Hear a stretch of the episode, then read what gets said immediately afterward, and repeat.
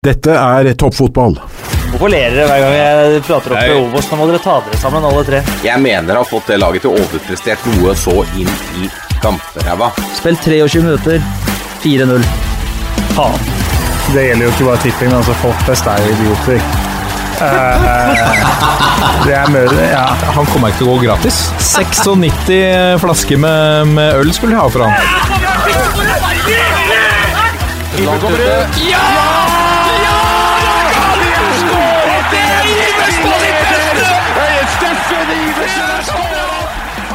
Og der er toppfotball tilbake igjen, og nå er også Eliteserien endelig tilbake. Nå har vi eh, telt ned og tippet tabell og ja, tvinnet tommeltotter, og så ble serien endelig sparka i gang. Litt eh, grann eh, trøbbel på noen arenaer, det hører med til eh, Eliteserien, kanskje. Eh, så vil nok en eh, viss portugiser eh, hevde at dette var taktisk spill før neste runde i European Conference League, da lyset gikk, eller eh, strømmen gikk på, på Aspmyra.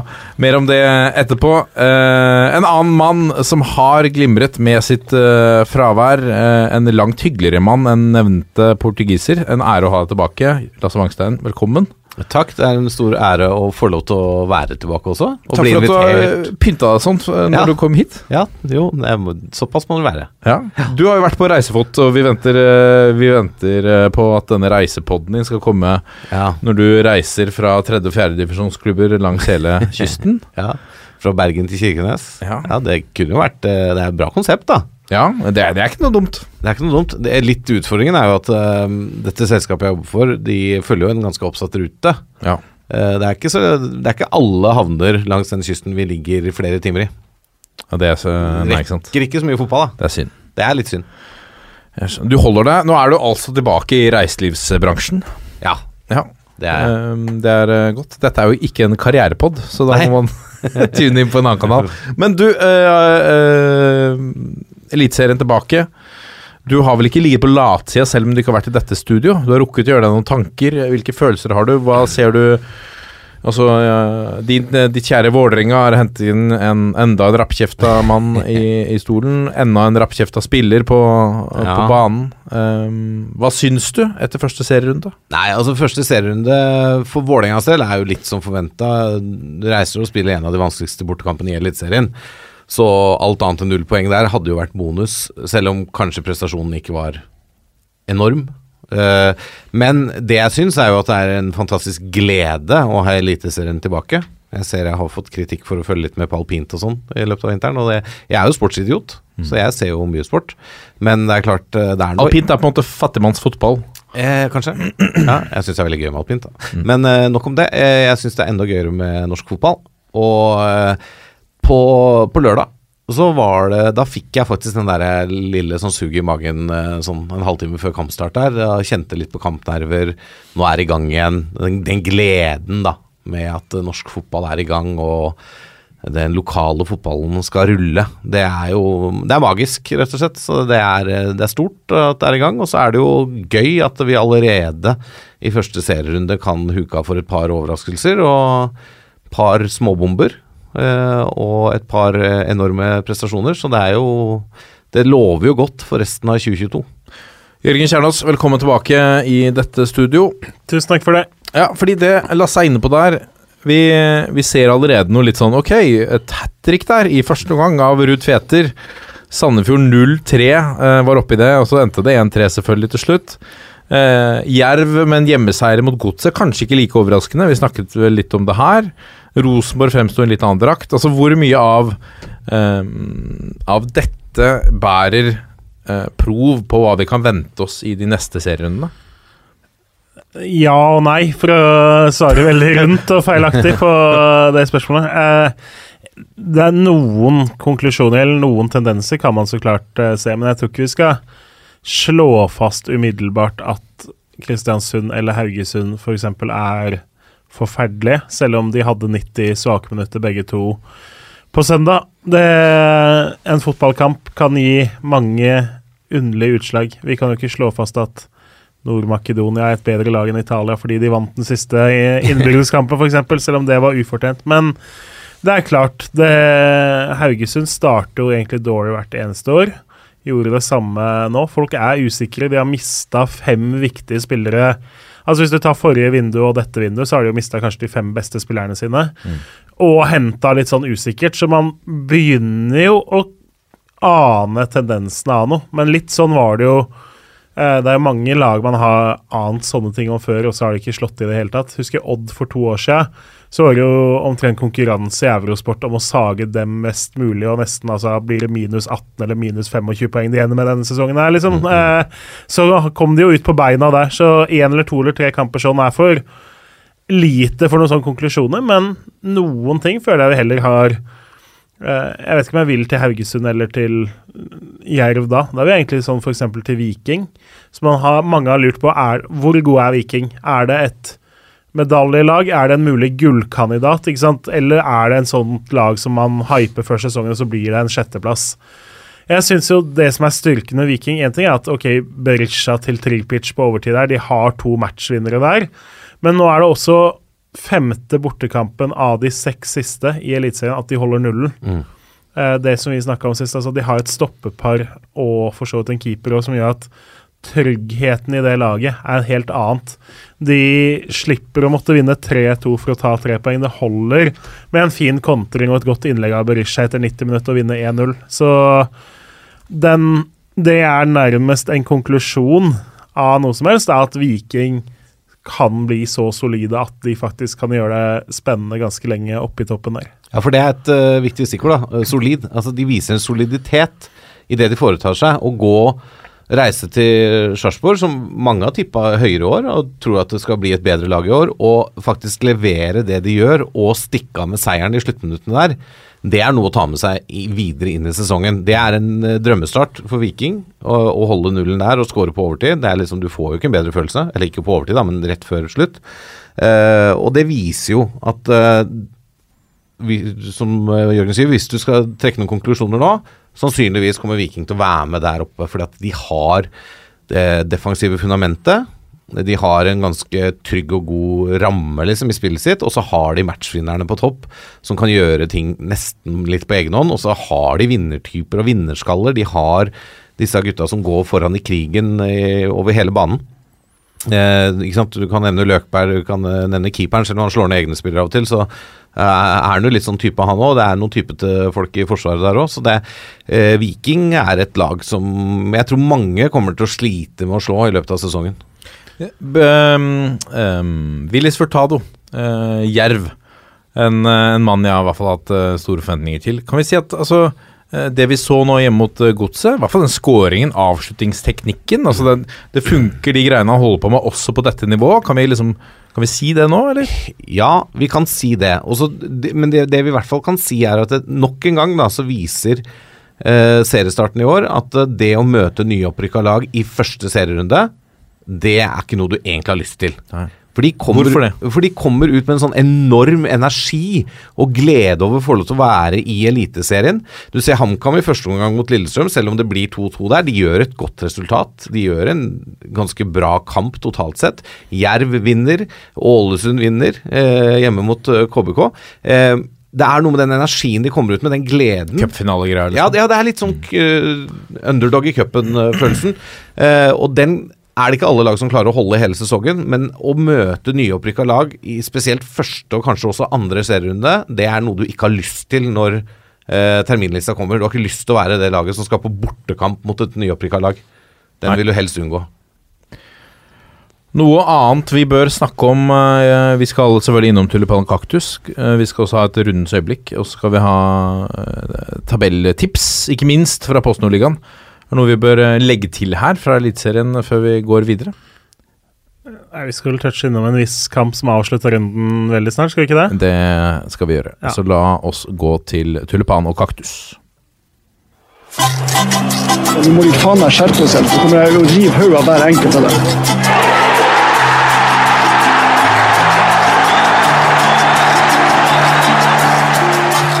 Og da er det klart for uh, ukas Tulipan og Kaktus ved spaltens president Lasse Markstein. Lenge, lenge, siden, lenge siden jeg har sagt det nå. Ja, det er lenge siden jeg har hørt Uh, at det er uh, runden, nei, spaltens president. Ikke sant?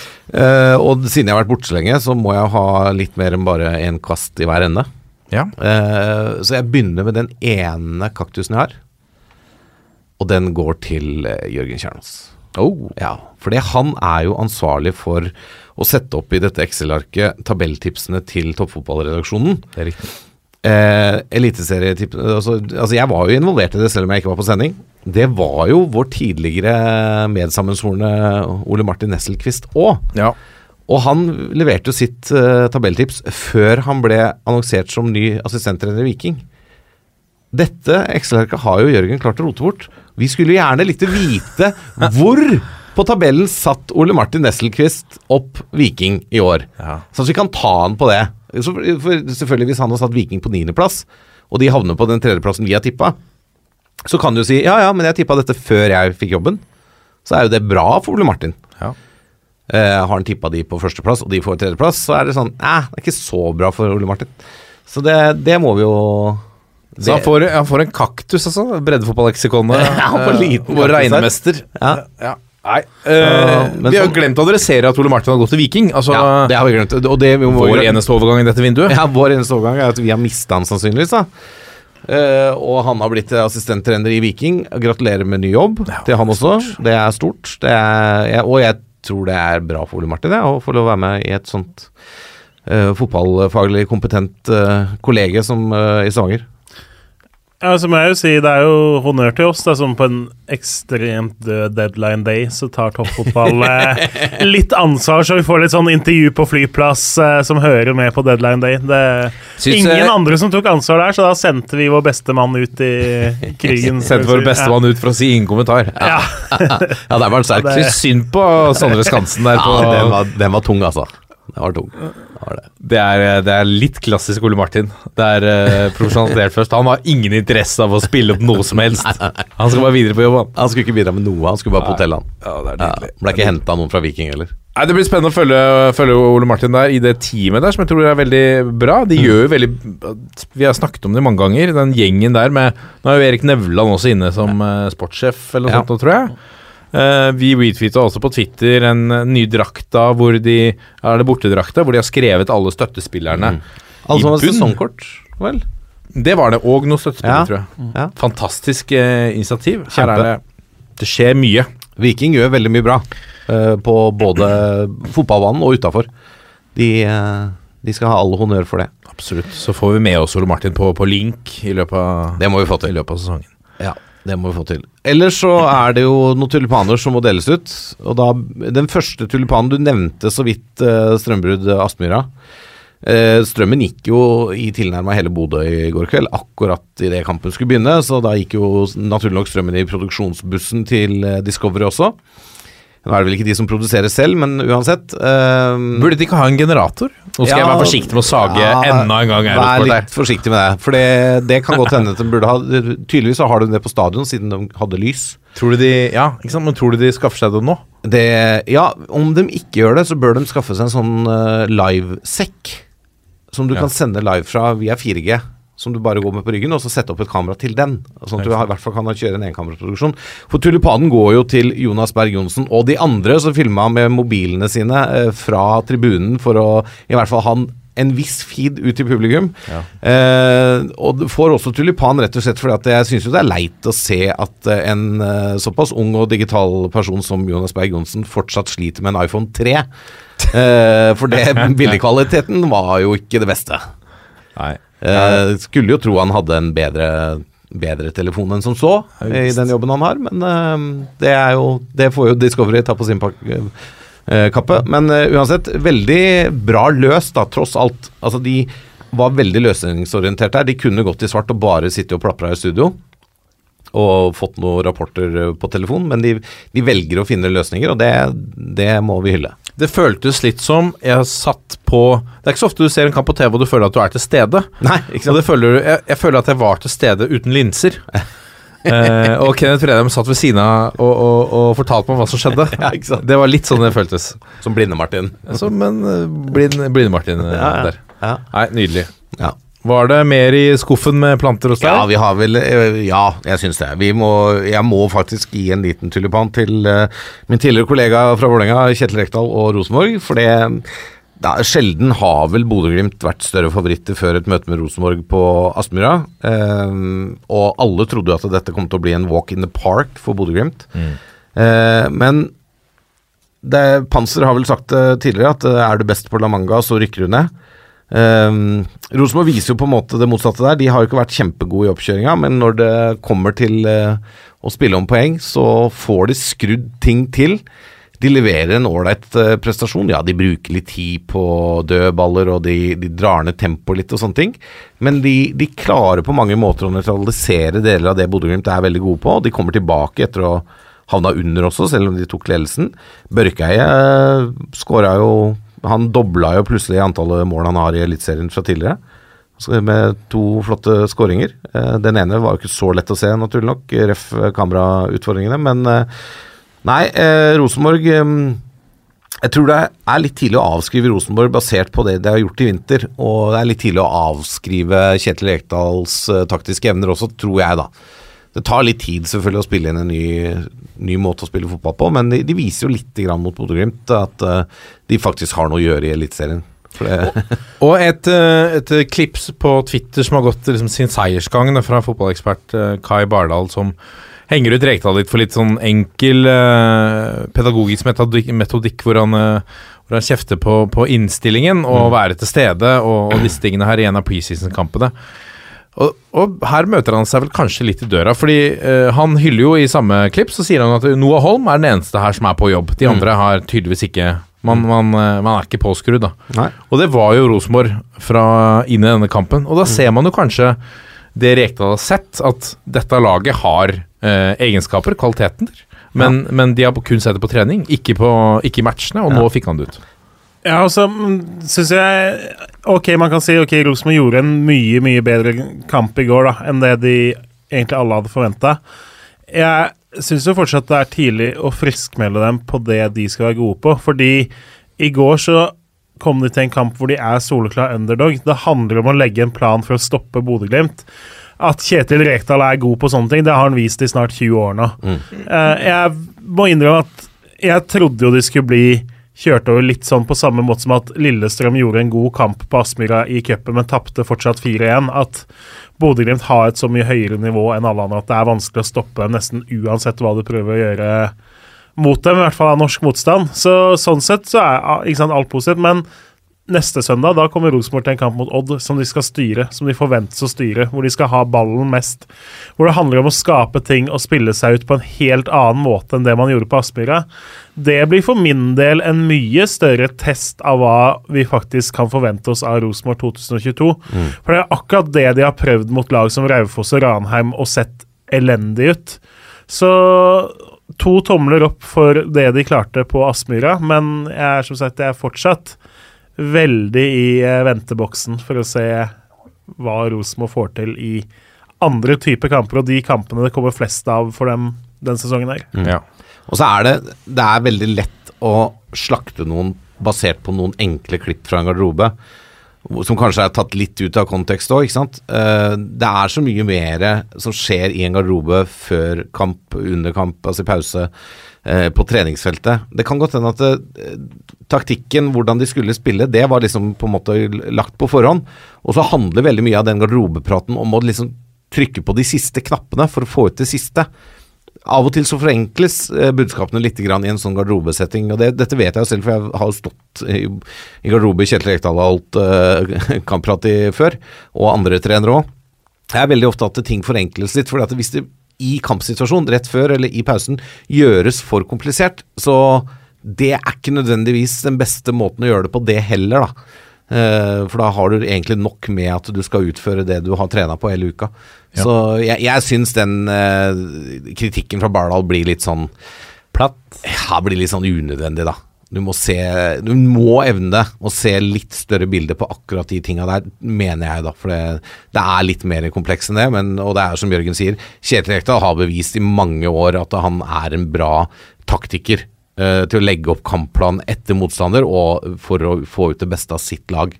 Uh, det er en grunn til at han faktisk er en av de mestvinnende trenerne i norsk fotball de siste 40 åra. Det er jo selvfølgelig noen som er mer, men han har jo vunnet en del pokaler med litt begrensa midler òg, Ja. enkelte steder. Så det, det kan du ikke ta fra han, rett og slett. Dette er toppfotball. Da har vi kommet til rundens øyeblikk, og nå blir det mye Det blir mye Bodø her. eh, Men eh, jeg var jo selvfølgelig også en av de som gikk bort og slo i TV-apparatet og, og flikka rundt på streamen her og skjønte ikke noe. Kom inn på Insider der, på det TV-programmet på, på Discovery Pluss. Det skulle jeg ikke se på. Jeg skulle se på Bodø-Glimt mot Rosenborg, som jeg hadde gleda meg til. Som jeg til og med hadde lagt inn i kalenderen min, med, med alarm et kvarter før. Bodø-Glimt-Rosenborg, et høydepunkt. Store bokstaver. Og så gikk lyset. Og så blei det borte. eh, og så skjønner man etter hvert at, eh, at eh, det er et strømbrudd av alle ting som er å laste for dette. Så tenker man at ja, ok. Jeg gikk inn på Twitter, folk var forbanna selvfølgelig, og noen vil ha pengene tilbake for Eurosport-abonnementet sitt osv. Og så er det altså, må jo være da, lokale strømleverandøren som, som kan lastes for dette. Det var derfor jeg syns det var veldig betimelig i postmatch-intervjuet etter en kamp som alle gjerne skulle tenke seg å se hele av, så står, eh, er det Ulrik Saltnes som står der i intervjuet. Eh, han står rett foran et stort skilt hvor det står Bodø Energi. Ja, passende. Og det er vel eh, Altså um, Bodø Energi har vel snarere Altså har vel aldri fått dårligere valuta for penga for det skiltet der som henger på Aspmyra, enn akkurat den matchen. Ja, eller så må du snu på det. De har fått veldig mye Oppmerksomhet. oppmerksomhet. Ja. Ikke i positiv forstand, men uh, de har vel hatt bedre dager på jobb i Bodø Energi òg, vil jeg tro. Tror det gikk en kule varmt der, ja. Du tenker, ikke sant, altså Bodø-Glimt eh, de, de samler jo en hel by. Så alle som kunne være ute og fikse til strømbruddet, var jo sannsynligvis på Aspmyra. Ikke sant? Ikke sant? Og da tar det tid, da. Ja, Ja. rett og slett. Da var det mest sannsynlig en elektriker der òg. Ja ja, det må du regne med. Ja. Ja. Dette er toppfotball. Og så skal vi dykke ned eh, i uh, annendivisjon, Post Nord-ligaen, og der har vi to avdelinger. Ehm, og sånn rent overordna, Jørgen. eh, disse to avdelingene, er de eh, veldig forskjellige, eller er det, liksom, er det satt opp veldig sånn jevnt? Hva tenker du om, om oppsettet? Uh, ja og nei. De er jo satt opp jevnt. Det er jo hele, hele hensikten med å dele opp er jo å prøve å få to avdelinger som er sportslig så likeverdige som eh, mulig. Og så var det jo ikke sånn i fjor. I fjor så skilte det jo enormt fra de beste til de svakeste lagene i avdeling 1. Det skilte betraktelig mye mindre i avdeling 2. Det kan man bare se på avstanden fra opp eller fra kvalifisering til nedrykk var 21 poeng i avdeling 2.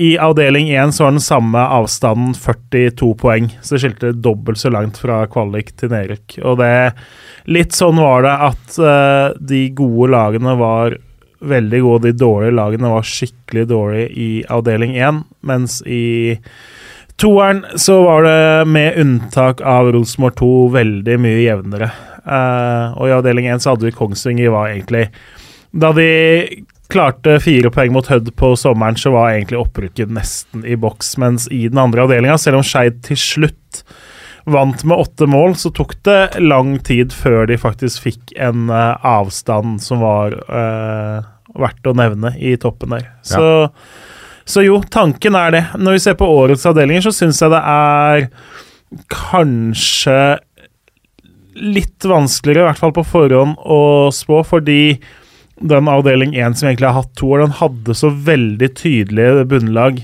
Er litt sånn spesielt at eh, Fløya som rykka opp og så mista alle spillerne, og to år på rad så handla det egentlig om å bare prestere OK med et lag som ikke var godt nok. Vi hadde Florø som mista alle sine, ikke var i nærheten av gode nok, eh, osv. Det, det er klart, det er jo et par kandidater, kanskje spesielt i avdeling to, som kan falle litt fra. Eh, men jeg tror ikke vi får de like store avstandene som det vi gjorde i fjor.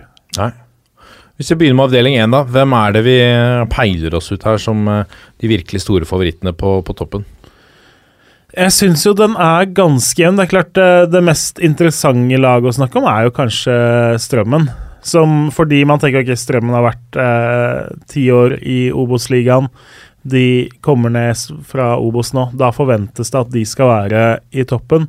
Strømmen har jo mista nesten hele stallen fra forrige sesong. Det er nesten et helt nytt lag. Det er ikke bare, bare Ole Martin som har gått ut dørene. Det er egentlig mer eller mindre alle de mest brukte spillerne fra forrige sesong som har forsvunnet ut. Det er, det er vel én eller to av de som på en måte var blant de mest uh, spillende i fjor, som fortsatt er igjen. Og så har de da henta veldig mange fra litt uh, land og strand rundt, litt ymse, henta fra annendivisjon osv. De har fått juling av bl.a. lag som Moss og Kvikk Halden tidlig i oppkjøringa, som jo bærer litt bud om at uh, det kan bli veldig Kunne bli veldig tungt. Og så har de litt bedre resultater nå helt på slutten. De avslutta med å slå bl.a. av Ullkisa nedrykkslaget Ullkisa med 1-0 i generalprøven. Fått kanskje en litt bedre elver enn man hadde antatt, så strømmen går fra meg for å være et sånt lag du typisk regner med at skal få det veldig tungt som nedrykkslag, til å være ikke en naturlig favoritt, men litt sånn melder seg på litt som en potensiell outsider i toppen igjen, da. Men når du spør om topplagene, så er det for meg Arendal er det laget jeg er mest trygg på at kommer til å være oppi der. De eh, hang jo med veldig lenge i fjor. Det så ut som at de skulle sikre seg opprykket der, egentlig, og så hadde de en uh, fire-fem kamper på rad hvor de ikke vant, som gjorde at Skeid tok over og egentlig aldri ga fra seg ledelsen. Men Arendal kom seg jo til kvalifiseringa. Og så er det litt sånn at I fjor så snakka man seg veldig ned at nå skulle på en måte satsinga litt ned, og det skulle være mer nøkternt. og ok, Nå er det sånn at alle har jobb ved siden av. sånn, så det stemmer. Ja, Skjedde ikke det, eller? Jo, altså alle har jobb ved siden av, og alle de tingene, men så ser du at man henter Martin Torp fra Ullkisa. Du henter Edvard Race fra Raufoss. De henter da Jonas Fredriksen, som spilte mye i Åsane. Og de henter Tord Salte fra Sogndal, som skal ta over den dype midtbanen hos dem. Sander Lilleløve fra Kristiansund var bra for Brattvåg i fjor, så, så jo da. litt med de kan forsvare og ha ordene i behold, men det er ikke noe sånn at satsinga er lagt ned. Når du ser og hører de navna de har henta inn, så er det spillere som hentes inn med tanke om at her er det et lag som eh, egentlig har tenkt seg opp. De litt sånn ennå ikke funnet eh, noen erstatter for Lars Gjendal på keeperplass. Da har de jo en som kommer tilbake fra skade, som skal erstatte. Og så har de jo Mista da bl.a. Ermal Haidari, som var god, gått til Levanger. De har mista Andreas van der Spa, som var supergod i den rollen som Tord Schalte skal ha på midten eh, sist sesong. Eh, og klart van der Spa går inn i, i midtforslaget til Sogndal i dag, så det sier seg selv at det er en spiller som vil savnes. Men Arendal sett ganske bra ut, og papir, på papiret så er det en stall som skal kjempe om opprykk. Ja. Uh, det andre naturlige topplaget som, er, som, som, er der oppe nesten hvert år, men som alltid snubler, da, uh, det er jo Egersund, så klart. Uh, Egersund har jo Hvorfor skal det ikke gå heller i år, da, Kjernas? Skal det ikke gå i år? Man sitter jo egentlig hvert år og tenker at dette er et lag som faktisk bør kunne rykke opp, og det har vært så nære så mange ganger, og osv. Nå vant jo i dag generalprøven ved å slå islandske Vikinger, som vel vant serien på Island sist sesong. Det bærer jo bud om at det er mulig å ha optimisme der. Men hvis du så Egersund 2021, så er på en måte det null verdi i å vurdere 2022-laget. For det er vel 15 spillere inn eller noe sånt nå, og omtrent like mange ut. De har gått over til å trene på dagtid, som gjør at en del av de gode litt erfarne spilleren som er, er litt ferdig med den derre ja, Du er 21 år og veit ikke Det er bare fotball, og du har liksom ikke noe plan B, og du har ikke begynt å studere. Det er kun fotball. Eh, de, de unggutta har kommet inn, også de som er liksom 27-28, har begynt å tenke jobb og studier og familie og sånn, har på en måte forsvunnet litt ut, da. Så det er en veldig ung stall, men de henter jo da masse spillere som har Uh, vært veldig lovende i veldig gode klubber uh, før. Masse, altså Thomas Halstensen kommer fra Odd. Bjørn Mæland kommer fra samme sted. Simen Hammershaug fra Strømsgodset osv. Så, så i tillegg et par svensker som er spennende. To på lån fra Viking. Og så henter de jo da Preben Fausganger, som har bøtta en mål for Åkra i fjerde og tredje divisjon. Jo Staalesen var kjempegod på bekk for Vard i fjor, så det det Egersund-laget er så godt og har sett, sett OK nok uh, ut til at de er nesten nødt til å være et topplag og faktisk kjempe om opprykk denne sesongen her. Spennende. har um, Og det er altså kvalikplassen, selvfølgelig. Uh, så de kan klare det. Vi, vi levner de en sjanse. Det går også et av, eh, et av lytterspørsmålene går på det. Det har vi allerede besvart, da, om, om Egersund ikke kan lykkes i år heller. Uh, hvis vi går på den helt ubrukelige tredjeplassen, da. Ja, nei, altså I tillegg til de- to, så har jeg med Jeg er veldig spent på Øygarden. da. Det er klart, eh, Vi starta en spalte med, som fikk navnet til Alexander Dang her for en god del år siden. Handla om å være storskårer i lavere divisjoner. Nå er han tilbake i eh, Øygarden. Romantisk. Eh, eller tilbake, det het vel Nest Sotra sist gang han var der, så det er jo ikke helt tilbake, men det er jo på en måte samme klubb, ny innpakning, sånn mer eller mindre. Eh, Øygarden, veldig solid stall. De har jo også uh, henta inn mange som er litt sånn at de har vært talenter, og så uh, har det på en måte ikke helt løsna for de andre steder. Marius Bildøy var lovende i Brann. Kommer nå fra Lyskloster. da. Enok Mavete har U-landskamper hvert andre og tredje keeper i Ålesund. Spilte i Midtjylland vel uh, før det. Kristoffer Gunnarshaug tatt vi, tur fra Haugesund via Ullkisa og så dit nå, f.eks. Så ganske Dennis Horneland, som da kommer til samme by som eh, far og branntrener Eirik. Så henta mye sånn talenter og unge spillere som har prøvd seg høyere opp uten å lykkes, og så kommer de nå til Øygarden.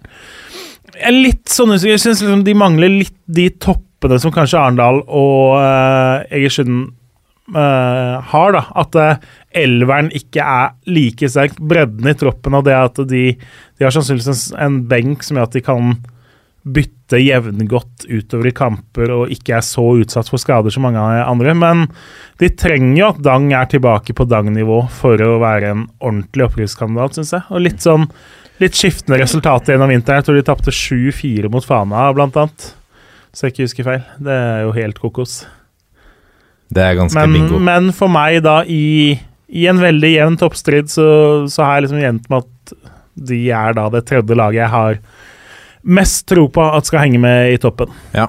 Er det noen lag her som du tenker eh, Nå går vi videre til fjerdeplass. Er det noen du tenker blir fornærmet over at ikke du har putta de på 1-3 her? Jeg tenker jo at Strømmen må jo ha ambisjoner når de kommer ned og egentlig sikter seg oppover igjen. Så jeg vet ikke om de blir fornærma, men jeg er usikker på om Strømmen ser på seg selv som et lag som ikke skal være med topp tre. Det må jeg jo si. Så syns jeg jo at Strømmen For tar vi altså hele neste bunchen for meg, da, bak de topp tre, da har du Strømmen, du har Kvikk Halden, du har Notodden. Og så har du sannsynligvis Vard Haugesund. Der har vi øvre halvdel for meg, tror jeg. Eh, Strømmen har vi jo snakka om, altså helt nytt lag, men det ser mye bedre ut enn man trodde for en måned siden. Så, eh, så, jeg, så jeg er veldig usikker på Strømmen, da. Det ser bedre ut nå, men den stallen måles Hvis du måler den opp mot Arendal, måler den opp mot Egersund, så er det kanskje ikke like sterkt, f.eks. Så jeg tror ikke Det blir definitivt ikke noen sånn parademarsj for Strømmen eh, i år, men at de kan melde seg på oppi der, definitivt. Så det, det er et av lagene jeg ser litt fram til å få sett noen runder tidlig nå i april, for å se hvordan det kan komme til å se ut. Kvikk Halden tror jeg også har litt de ambisjonene. De har jo beholdt eh, min favoritt Albert eh, Macchiadi, som omtrent ser bedre ut enn noensinne. Og det Jeg snakka med en i Halden også og sa at jeg er nesten litt sånn personlig fornærma over at Albert Macchiadi fortsatt er i Halden. Eh, fordi at ikke han har fått sjansen i, i minst Obos-ligaen. Eh, I Obos-ligaen er det ni lag, tror jeg, som spiller med wingbacker, eller noe sånt noe at ingen av de har funnet ut at Macchiadi er en mann som passer inn på venstre wingback. Det, som sagt, jeg blir nesten litt fornærma, faktisk, på et personlig plan, over at ikke vi får se han enda høyere opp. Men uh, Kvikk Halden også henta en god svenske, beholdt en del av stallen sin. Uranik Seferi, som gikk til Lillestrøm, som ikke fikk det til der, og som var på et middels utlån til Skeid, er nå tilbake i Halden. Han var jo nydelig for dem i 2021, så, nei, 2020. Så jeg tror Kvikk kan melde seg på. Strømmen snakker vi om. Notodden har beste spissen i hele andredivisjon, Melvin Fritzel, som er svenske. Eh, spilte veldig i fjor på en måte som også gjorde han god. Han er god på å stikke i bakrom, han er god på de der dype løpene. Eh, bra avslutter. Fikk masse å jobbe med. Litt sånn som du følte at Lillestrøm spilte med Lene Olsen, at det gjelder å fòre Lene Olsen. Eh, litt sånn tenkte Notodden. Veldig spillende lag. Veldig, veldig ungt lag, da. Har mista en del av de som var best for dem i fjor, bl.a. da Jørgen Voilås til Bryne, Thomas Lillo, som er en veldig god midtstopper, har gått til Hødd. Eh, Henrik Gustavsen har lagt opp. Så litt svekka Notodden-lag. Litt for tynn stall til å være med oppi der, så ranker dem da bak. Og så er det litt det samme med Vard, som har Eh, mista mange av de sentrale spillerne sine. Altså Myklebust har gått til Åsane, keeper Thomas Kinn har gått til Mjøndalen. Jo Staalesen snakka om har gått til Egersund, og så har Jasmin Bogdanovic eh, ikke blitt enig om ny kontrakt og gått til Stål. Da har de egentlig mista fire av de aller, aller viktigste spillerne fra sist sesong. Henta inn litt sånn Henta inn eh, et par svensker, henta en polakk. Det har eh, Joakim Våge Nilsen har kommet inn og skal da ta den dype midtbanerollen for dem. Det er ikke noe dårlig mann. Nei, det er ikke noe dårlig mann der. Og så er det klart disse spissene og de har levert litt mot sånn middels motstand i treningskamper. Men det er klart Myklebust og målene hans og den kvaliteten han sto for på topp, den er vanskelig å erstatte. Så, og samme Ranjovskij i mål innenfor Kinn. Jeg tror de er et lite steg ned der, da. Så men det er klart, Vard er et av lagene som kan melde seg på å kjempe om topp tre. Det er ikke tvil om det. Men litt svekka er de definitivt. De mister fire av de fem viktigste spillerne sine, omtrent fem-seks viktigste spillerne sine. Litt sånn som Storebro Haugesund, at det, det, er mange ute, og selv om det er OK spennende inn, så kan det ta litt tid. Men med på øvre halvdel uh, vil jeg tro at de er. Mm. Spennende. Um, videre da til, uh, til syvendeplass. Uh, ja, vi har, har, vi ikke tatt topp sju nå? Hvis vi hadde Så vi sier at vi har Strømmen fire, Kvikk fem, Notodden seks og Vard sju? Ja, Vard eh, selvfølgelig klokker inn på sjueren der. Det er riktig. Da er vi på åtte. Ja, da har jeg, jeg har to lag egentlig på åttende og niende som er litt sånn uh, Moss har kjempa i bunnen to år på rad nå. De skulle vel egentlig skulle ikke rykka ned i 2020 hvis det hadde vært nedrykk eh, da i den litt amputerte sesongen, hvis jeg ikke husker helt feil. Jo da, de endte på tolvteplass da i den halve sesongen. Så det er klart at Moss har nå egentlig hatt to ganske tunge sesonger. Thomas Myhre hadde et lag i fjor som var litt sånn De henta veldig mye spillere, føltes ut som, også bomma de egentlig på en litt for høy andel av det. I år så ser det ut som de har truffet bedre. Det er klart Nå tapte de 0-1 mot Fram i generalprøven som gjør at de kanskje tenker litt sånn, blir litt betenkte. Men det har da eh, Mathias Eriksen Ranmark blir værende i mål. Det er jo en kjempekeeper på andredivisjonsnivå. Var på lån også i høst. De har henta en eh, spanjol som heter Claudio Braga, som sies at det er Som har sett bra ut. Eh, Noah Alexandersson, som er, eh, var god på lån, også han i høst, har blitt værende, selv om han prøvde å få han videre Eh, mange ville ha han. Anas Farah Ali har jo vært regna som et kjempetalent lenge. Mm. Der ligger det mye sånn uforløst hvis man klarer å uh, få i gang han. Kristian Strande, en veldig trygg signering på stoppeplass. De har egentlig henta mye i forsvar. Så, og litt sånn en del spennende fra Fredrikstad. Hente hjem Filip Koko fra Vard for å styrke midten. Og det jeg, jeg tror Moss blir et lag som blir bedre den sesongen her enn det de var i fjor, og litt flyt så kan de være oppi der. Men jeg holder da Ullern, som er nyopprykka, enda takk foran. Så jeg har egentlig Moss 9, og så er Ullern 8. Og det er jo ganske høyt til å være et uh, opprykkslag. Jeg syns man Vi har jo snakka mye om nivåforskjeller mellom divisjoner. Jeg syns jo at den forskjellen mellom annen og tredje divisjon ikke nødvendigvis sånn kvalitetsmessig og enkeltkamper og 90 minutter er så stor, men det kreves så mye mer av en andredivisjonsklubb som gjør at det kommer opp gode lag fra tredjedivisjon, og så er på en måte ikke hele klubben eller hele laget eller hele organisasjonen helt klar for de der tinga som gjør at eh, et lag løfter seg 2-3-4-5% for å være der. Ullern tror jeg kan ha potensial til det. Jeg syns de vi, I fjor så spådde jeg jo at de skulle rykke opp ganske lett, og det gjorde de egentlig. Og de var i en avdeling hvor det var total mangel på ordentlige utfordrere til opprykket deres. Så de var egentlig klare etter fem-seks runder så skjønte man at det her kom til å gå riktig vei. De har jo da henta uh, Henta spennende fra spillere som har prestert OK på dette nivået før. altså Idrissi kommer fra Moss. Kristoffer Skåren fra samme sted. Uh, Abdel Hedi Ali er, kommer fra tredjedivisjon nå, men har tidligere vært god i andredivisjon. Og så har de godt lag, spiller med tre stoppere. Uh, Hardtarbeidende midtbane hvor du har spillere som Lars Følstad, som er en veldig god ballspiller uh, uh, der. De har mange som er rutinerte og vet hva som kreves på det nivået her. Da. Eller ikke rutinerte sånn, men som har vært med på dette nivået før. Thomas Martinussen har vel spilt tippeliga for Ålesund. Ja, på den tida det het tippeliga, bare så det er klar, ja, var på vei der. Uh, Ismar Distar er, uh, har vært god for dem, er en bra spiller osv. Så, videre. så de har et lag og en organisasjon liksom, som gjør at jeg, jeg, tror de kan bli et positivt innslag som et uh, opprykkslag. da.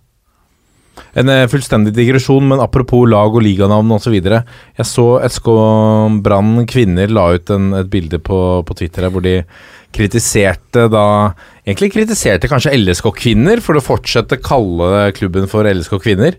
Fordi du ser tabellen fra NFF, så ser du bare Du ser Rosenborg, Brann Selv om det er, det er, toppserien, så har det ikke kvinner bak, men LSK har, ikke, har kvinner bak, da. Ja. Så er det en kommentar som sier at uh, Sier et eller annet om at uh, vi kaller det bare uh, Vi må ikke sette kvinner bak, selv om det er toppserien. Mm.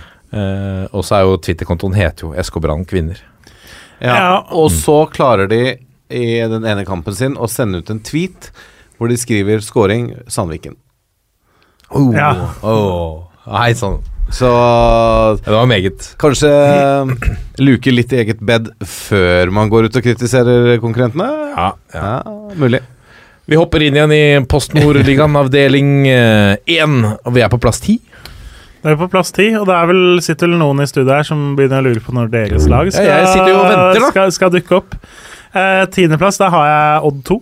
Nei, det, Odd er jo et av to lag som har andre andrelaget sitt i andre divisjon denne sesongen. her Og det kommer jo av at Odd har en veldig sånn klubbpolicy på at man stiller så sterkt man kan. Det betyr mye for den talentutviklinga av hele denne Grenlandsmodellen osv.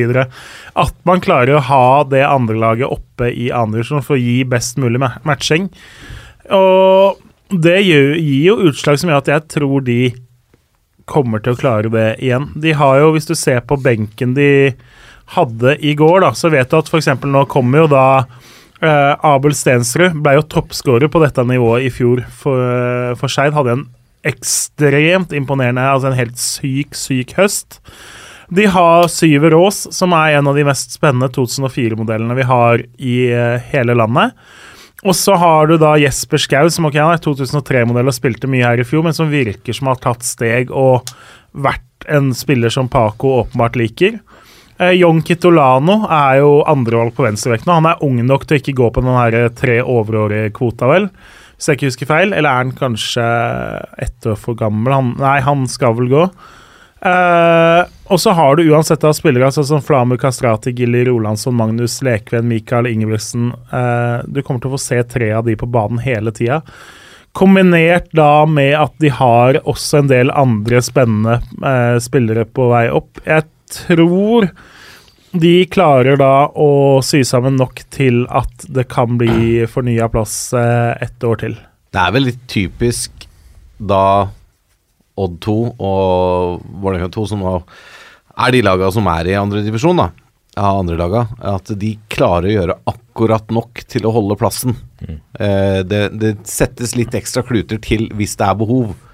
Og man kanskje velger seg ut noen kamper som Ok, disse hjemmekampene, der skal vi stille så sterkt lag vi kan. De selger på terminlista til førstelaget. Når kan vi på en måte mikse og trikse inn noen uh, forsterkninger her? For å få akkurat nok poeng til å klare seg, for å akkurat ha det som Jørgen snakker om. eh, den kamparenaen for de nest og tredje beste, da. Sånn at de får utvikla seg. Rosenborg 2 gjorde vel det stikk motsatte i fjor? Ja, men det er klart, hvis vi skal digre ta en digresjon langt videre der, så er jo Vi snakker om et Rosenborg nå som bl.a. tapte De tapte vel 1-10 for Kristiansund og tapte 1-9 for Ålesund i den nasjonale juniorserien ganske nylig. Så, og da Riktignok med mye ungt, men nå mot Ålesund i 1-9 så hadde de ganske mange av de som spilte mye andredivisjon i fjor, med i troppen, i hvert fall. Så ja, det, det har vært interessant å ta et enda større dypdykk enn, ved en annen anledning på hva som skjer der. 100% Men nå da, Jørgen, er det duket for uh, mine brune venner? Ja, du, du, du blir så gretten hvis du dytter dem under streken. Du ble jo nesten fornærma da jeg sendte deg et tabelltips med dem over streken. Så Skam deg, skrev jeg. Skam deg. Ja, nei, det jeg tenkte Jeg så egentlig helt oppriktig talt og ærlig talt for meg der at et tips med ørn på sikker plass burde fått en sånn der stjerneøyne-emoji tilbake. Det må jeg innrømme. Men eh, du kan jo Ja, du ble litt sjokkert. Jeg ba deg om å, Ja, du- gå i skammekroken der. Ja, du kan jo ta oss gjennom hvorfor, eh, hvorfor du tenker det. Uh, og skal du sette meg på, på Har du gjort lekser på dette selv, eller eh, er det Nei, altså det er klart, det Som altså, tabelltips, det går jo på feeling og noen ting man plukker opp, og det er ikke Altså, er, et, et tabelltips er jo aldri en fasit, Nei. men jeg må innrømme at uh, hvis jeg, jeg hadde vært Ørn-supporter, så hadde jeg tatt imot en ellevteplass uh, i 2022 med glede. Det må jeg innrømme. Ja. Eh, Gjør du ikke det altså, Martin? Tar du imot med glede? Nei, jeg ser, eh, ser oppover tabellen, ja. Jeg har sett eh, hva de er kapable til. Nå er de hentet eh, Adrian Rogul Rugulj, Det er nok sånn det sies, ja. Ja, godt mulig. han var litt uheldig her i helga. Uh, nikka dessverre ned en motspiller. Sånn helt Så det var jo litt Det var, uflaks. det var dumt. Det var jo litt uflaks. Ja, det det kan fort skje. Så det skjedde, da. Nei, han ser veldig veldig bra ut. Putta masse i preseason. Eh, du har Gustav Helling der, fjorårets eh, toppskårer. eh, som også er en meget bra spiller. Så har du noen eh, altså fylt opp også som jeg liker godt, da, med noen lokale karer. eh, Thomas Utte Jensen, Fredrik Tørnby. eh, du har en, eh, en portugisisk eh, dirigent på midtbanen, Nuno Suárez, som jeg tror veldig mange vil få øynene opp for nå. Han er jo, eh, han er jo ikke noe ungfole lenger, men, men eh, likevel en, en eh, Jeg tror han vil sette spor etter seg i, i andredivisjon. Kristoffer Stol Solberg i mål. Riktignok hatt noen matcher hvor, hvor det har sett litt sånn Uh, Hva skal vi si Ikke vært helt på topp. Han får litt konkurranse av Reiersen, uh, som, som puster han litt i nakken. Og så har de selvfølgelig hentet tilbake din favorittspiller Jørgen Jørgen Schjøl på ene vingbekken der. Eh, det må du være fornøyd med. Ja, Hvis jeg hadde vært trener, så hadde jeg henta Jørgen sjøl, sjøl si. Riktig, riktig, riktig. Så har de vår venn toppfotballvenn Arnar Førsund, da, som, som er eh, for øyeblikket skada. Uh, han skal vi ringe uh, etter dette tipset for å høre hans uh, tanker om det. Jeg mistenker han blir forbanna. Han er, eh, snakker om Champions League i 2029 osv., så, videre, så dette går jo ikke eh, etter planen hans. Med Ørn, ja. Det er helt riktig. Ja. Eh, Mustafa Fofana kom i fjor på lån for å være med på å sikre, sikre opprykket. Uh, omtales av nevnte Førsund som Norges beste defensive spiss. Uh, så er, en, er en type stor og sterk, brukbar teknisk, en bra mann å, å ha i, i stallen. Um, Kjell André Thu har vist seg å, å foretrekke en veldig sånn ballspillende ballspillende fotball. Det har underholdt i veldig mange år i Horten. Eh, og det har også gjort at de, de siste tre-fire Tre-fire-fem årene at Ørn alltid har tatt steg i, i NM også, fordi de har et teknikknivå som som gjerne er på høyde med, med eliteserielagene, som gjør at de blir jo litt sjokkert, og så skorter det ofte litt hvis det blir ekstraomganger, så faller man litt igjennom når, eh, når, eh, når kampene drar ut. Men de har jo slått ut den ene og den andre uh, i, i Lystlund. Lystlund som også nå får sin eh, velfortjente oppussing etter mange runder i, i kommunestyret og lokalpolitikken. Her er det verdt å merke seg et sitat fra en av lokalpolitikerne for Arbeiderpartiet. Hvor dette var frem og tilbake, og det var flere idretter som var inne og klaget på at ikke disse pengene skulle brukes på sykkel og på boksing og jeg vet ikke hva. Ehm, hvorpå eh, det er da snakk om å pusse opp enten for 15 millioner et, eller for 18 millioner, et eller annet sånt noe. Eh, så enten så skulle man eh, pusse opp stadion litt, og så ha provisoriske garderober, og så pusse opp garderobene litt seinere, eller ta også garderobene nå. Eh, fordi at NFF har litt krav til stadion osv. Da var det et Arbeiderpartimedlem som gikk på talerstolen og sa følgende at ehm, eh, Ja, dette er kravene nå, men hva hvis Ørn spiller i Champions League i 2030? Hvor mye penger skal vi ut med da? Og det kan hende Ørn rykker det neste år, og da sitter vi der med altfor fine garderober. Eh, og da tenker jeg da har du eh, et interessant eh, blikk og, og, og syn på, på, på breddefotball, toppfotball. Det er jo mer enn bare et A-lag her. Kan man ikke selge de flisene da? Nedgradere til litt sånn billigere fliser? Jeg husker man kunne på noe sånn tidligere managerspill at hvis du rykka ned, så Fikk du kunne på en måte du kunne nedgradere stadion. Da eh, Da gikk du fra sitteplasser til ståplasser osv. Så, videre. Ja. så det, det får være får være til inspirasjon. Ja, Andy Sekai, mann å se opp, øh, opp for. Eh, Et lovende, en lovende mann. På er vel Wingbeck, gode Sakai? Uh, det mener jeg. Det blir spennende i hvert fall å følge de. Uh, og jeg føler meg trygg på at de skal gjøre ditt tips til skamme, Jørgen Kjernås. Ja, vi får se, vi får se. Ja. La oss gå videre, da. Uh, til plass nummer tolv. Ja, vi har jo Og dette er eh, nedrykk, eller? Ja, det er jo det. Vi kan jo egentlig ta hele nedrykkskvartetten i ett. Da har vi Fløy, Sotra og Stål. Eh, for å starte med Fløy, da, så er jo det litt sånn Fotball er heldigvis ikke matematikk. Da hadde det vært veldig kjedelig. Men de berga seg jo fra nedrykk i fjor fire minutter på overtid med en fantastisk scoring da. Så de var jo egentlig nede veldig mye av sesongen. Og så har du da mista De har mista bl.a. Mathias Grundetjern, som starter for Start i dag. De har mista Thomas Nygaard.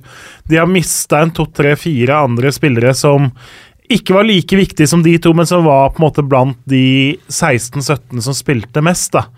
Og så har de henta veldig veldig ungt tilbake. De har henta et par fra start permanent og på lån nok en gang.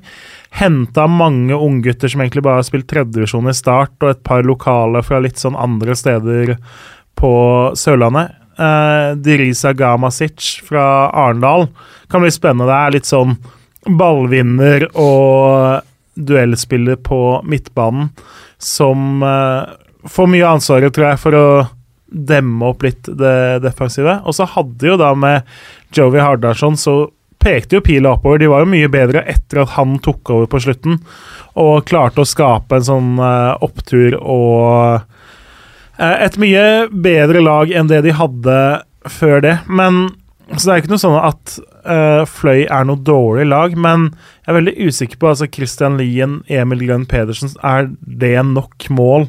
Så se på laget de hadde i generalprøven, så hadde de to unggutter på kantene som ikke har spilt over tredjedivisjon overhodet, og som uh, Ja, de, de det blir liksom totalen der som gjør at det som sagt, Fotball er fortsatt ikke matte, men et tabelltips handler om å vurdere styrkeforholdene og se på hva, som, hva de har av spillere, og hva som er mulighetene, og osv. De har kjempekeepere, Ante Knesovic. De har eh, et par ålreite rutiner altså, Sander Ystadnes er ikke gammel, men har spilt en del eh, for Bryne tidligere, og så kommet dit. Så mye ok spillere, men de ser svekka ut i løpet av høsten. Og når du da veit at de så vidt berga plassen med et nødskrik i fjor, så gir det på en måte mening å spå at de kommer til å være i bunnen igjen, da. Og eh, litt det samme er jo Sotra, så klart. Eh, Sot Renate blir innom annen uh, toppfotballvenn. Sotra er jo spådd nedenom og hjem to år på rad. Nå har de jo da beholdt altså både Lars eh, Kilen, som var kjempegod for dem egentlig hele fjor, var ja, da med på mitt årets lag, for jeg syns han presterte ordentlig ordentlig bra gjennom egentlig hele sesongen. Har, han har vært og prøvespilt litt andre steder uten å forsvinne. Samme med Henrik Nyland, som har prøvespilt for Åsane. Og som blir, er leder og dirigent på midtbanen og mye av den toveisspilleren de trenger. Men de har mista da bl.a. keeperen sin, Sebastian Heggeland, til eh, Levanger, som for, i mine øyne er et stort uh, tap. De har ellers har de utvida troppen litt, for det, i fjor så var det ganske tynt, og spesielt en del bortkamper når de hadde et par fravær, så var det Du merka at det, det var litt på beinet, og det var eh, ble ofte tøft i en del av de kampene. Styrka seg litt og henta en tre-fire-fem spillere som har spilt en del tredjedivisjon nå.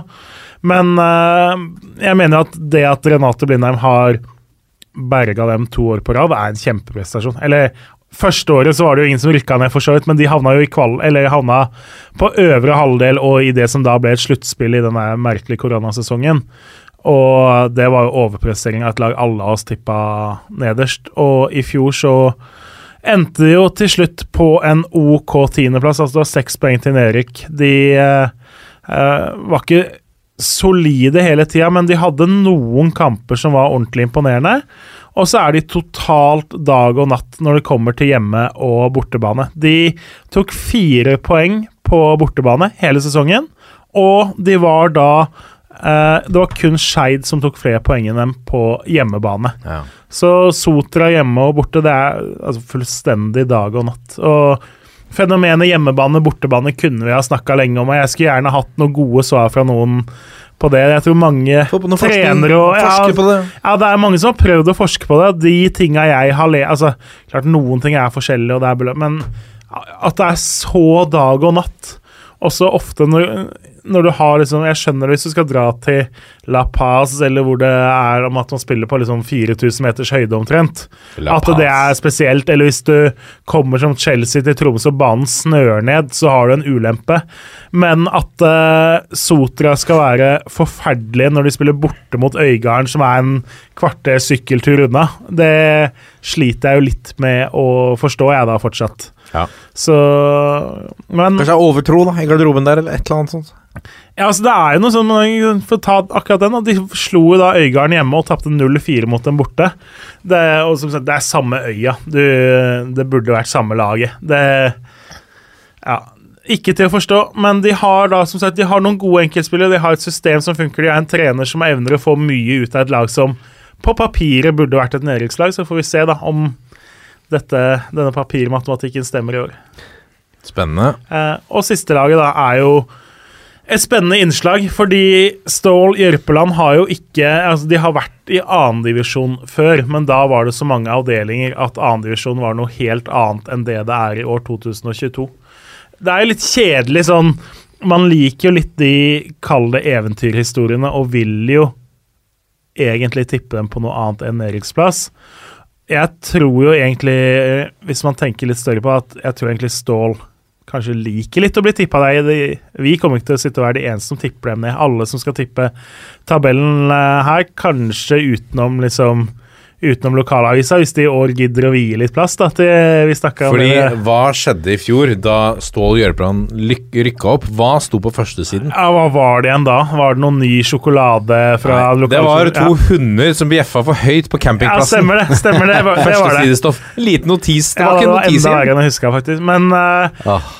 klart Stål uh, har jo, var jo et lag som i fjor klarte å vippe en del jevne kamper i sitt favør. Og den store forskjellen for dem i tredjedivisjon het jo Even Østensen, som både i tredjedivisjon, men også i annendivisjon er en fantastisk spiss. Jeg sa da at eh, Jeg sa jo at Notodden har den beste spissen i uh, annendivisjon. Det kan jo hende at Even Østensen vil ha med et ord eller to i laget der, absolutt. Men du mener Så- at det er ikke nok? Nei, altså de OK, de har en del spillere som har litt Altså det er en del erfaring i det laget. David Eie har vært med på mye. Eh, polakken Daniel Siac brukes både som stopper og spiss. Det er mye duellkraft i mange av disse spillerne. Henta Jasmin Bogdanovic, som har spilt i Sandnes Ulf, nå kommer fra Vard. Eh, også en keeper fra Polen, eh, Rafal eh, Dobrolinski, som i tredjedivisjon har vært en matchvinner og kjempegod. Og liksom en del andre som har litt fortid i Vidar, blant annet, og sånn som, eh, som vet hva det handler om, da. Men bortsett fra Bogdanovic, så har de henta eh, et par unggutter med vikingfortid, og så har de henta kantspilleren Kairo Lima, som så kjempespennende ut i tredjedivisjon. Ikke eh, på en måte fikk det til i Egersund, men det, Egersund er litt sånn å komme inn halvveis der og skulle prestere. Det, det er ikke alltid så lett, nødvendigvis det. Men, så han kommer til å ha en mye viktigere rolle i stålmannskapet enn det han hadde der. Og blir veldig spennende å se for et sånt lag. Men totalt sett, man, man kommer som en underdog og en outsider. Og som sagt, det er, det er kjedelig å tippe dem ned, fordi det er liksom så standard at det er det minst meritterte av disse 14 lagene, og de kommer opp og alt sånn, så som sagt, kjedelig gjort, rett og slett. Uh, irriterer meg litt, men det ser jo ut som et lag som skal få slite. De fikk jo kjenne på litt. De tapte De har to treningskamper vel, mot Egersund. Den ene holdt i 0-1, men så var det da 1-6 i den siste. Og tapte tapte 1-4 mot Sandnes Ulf. Da så jeg dem. Da var det en del av kampen i hvert fall litt Du ser at det tempo som kreves Klart det er Obos-liga, kanskje topp Obos-liga. Det tempo som på en måte spillet foregår i da, det er en del av disse duellspillerne som klarer seg bra i tredjevisjon, som får merke veldig. Og det tror jeg også de kommer til å få merke mot de beste andredivisjonslagene. At eh, ballen går noen prosent fortere hvis du møter Egersund enn hvis du møter Hinna. Ja. Så over 26 kamper så tror jeg at de rykker ned. Men jeg tror alle på Jørpeland eh, klarer å tenke at det er der man blir spådd. Man forventer å regne med å bli spådd der. Klarer man å bruke det til noe positivt og sånn Underdogen har ingenting å tape, man har alt å vinne. Vi satt jo her og spådde Sotra ned for, og levna dem null sjanse, blant annet. Så det er fullt mulig å motbevise, men jeg blir veldig imponert hvis de klarer å legge tre lag bak seg den sesongen her.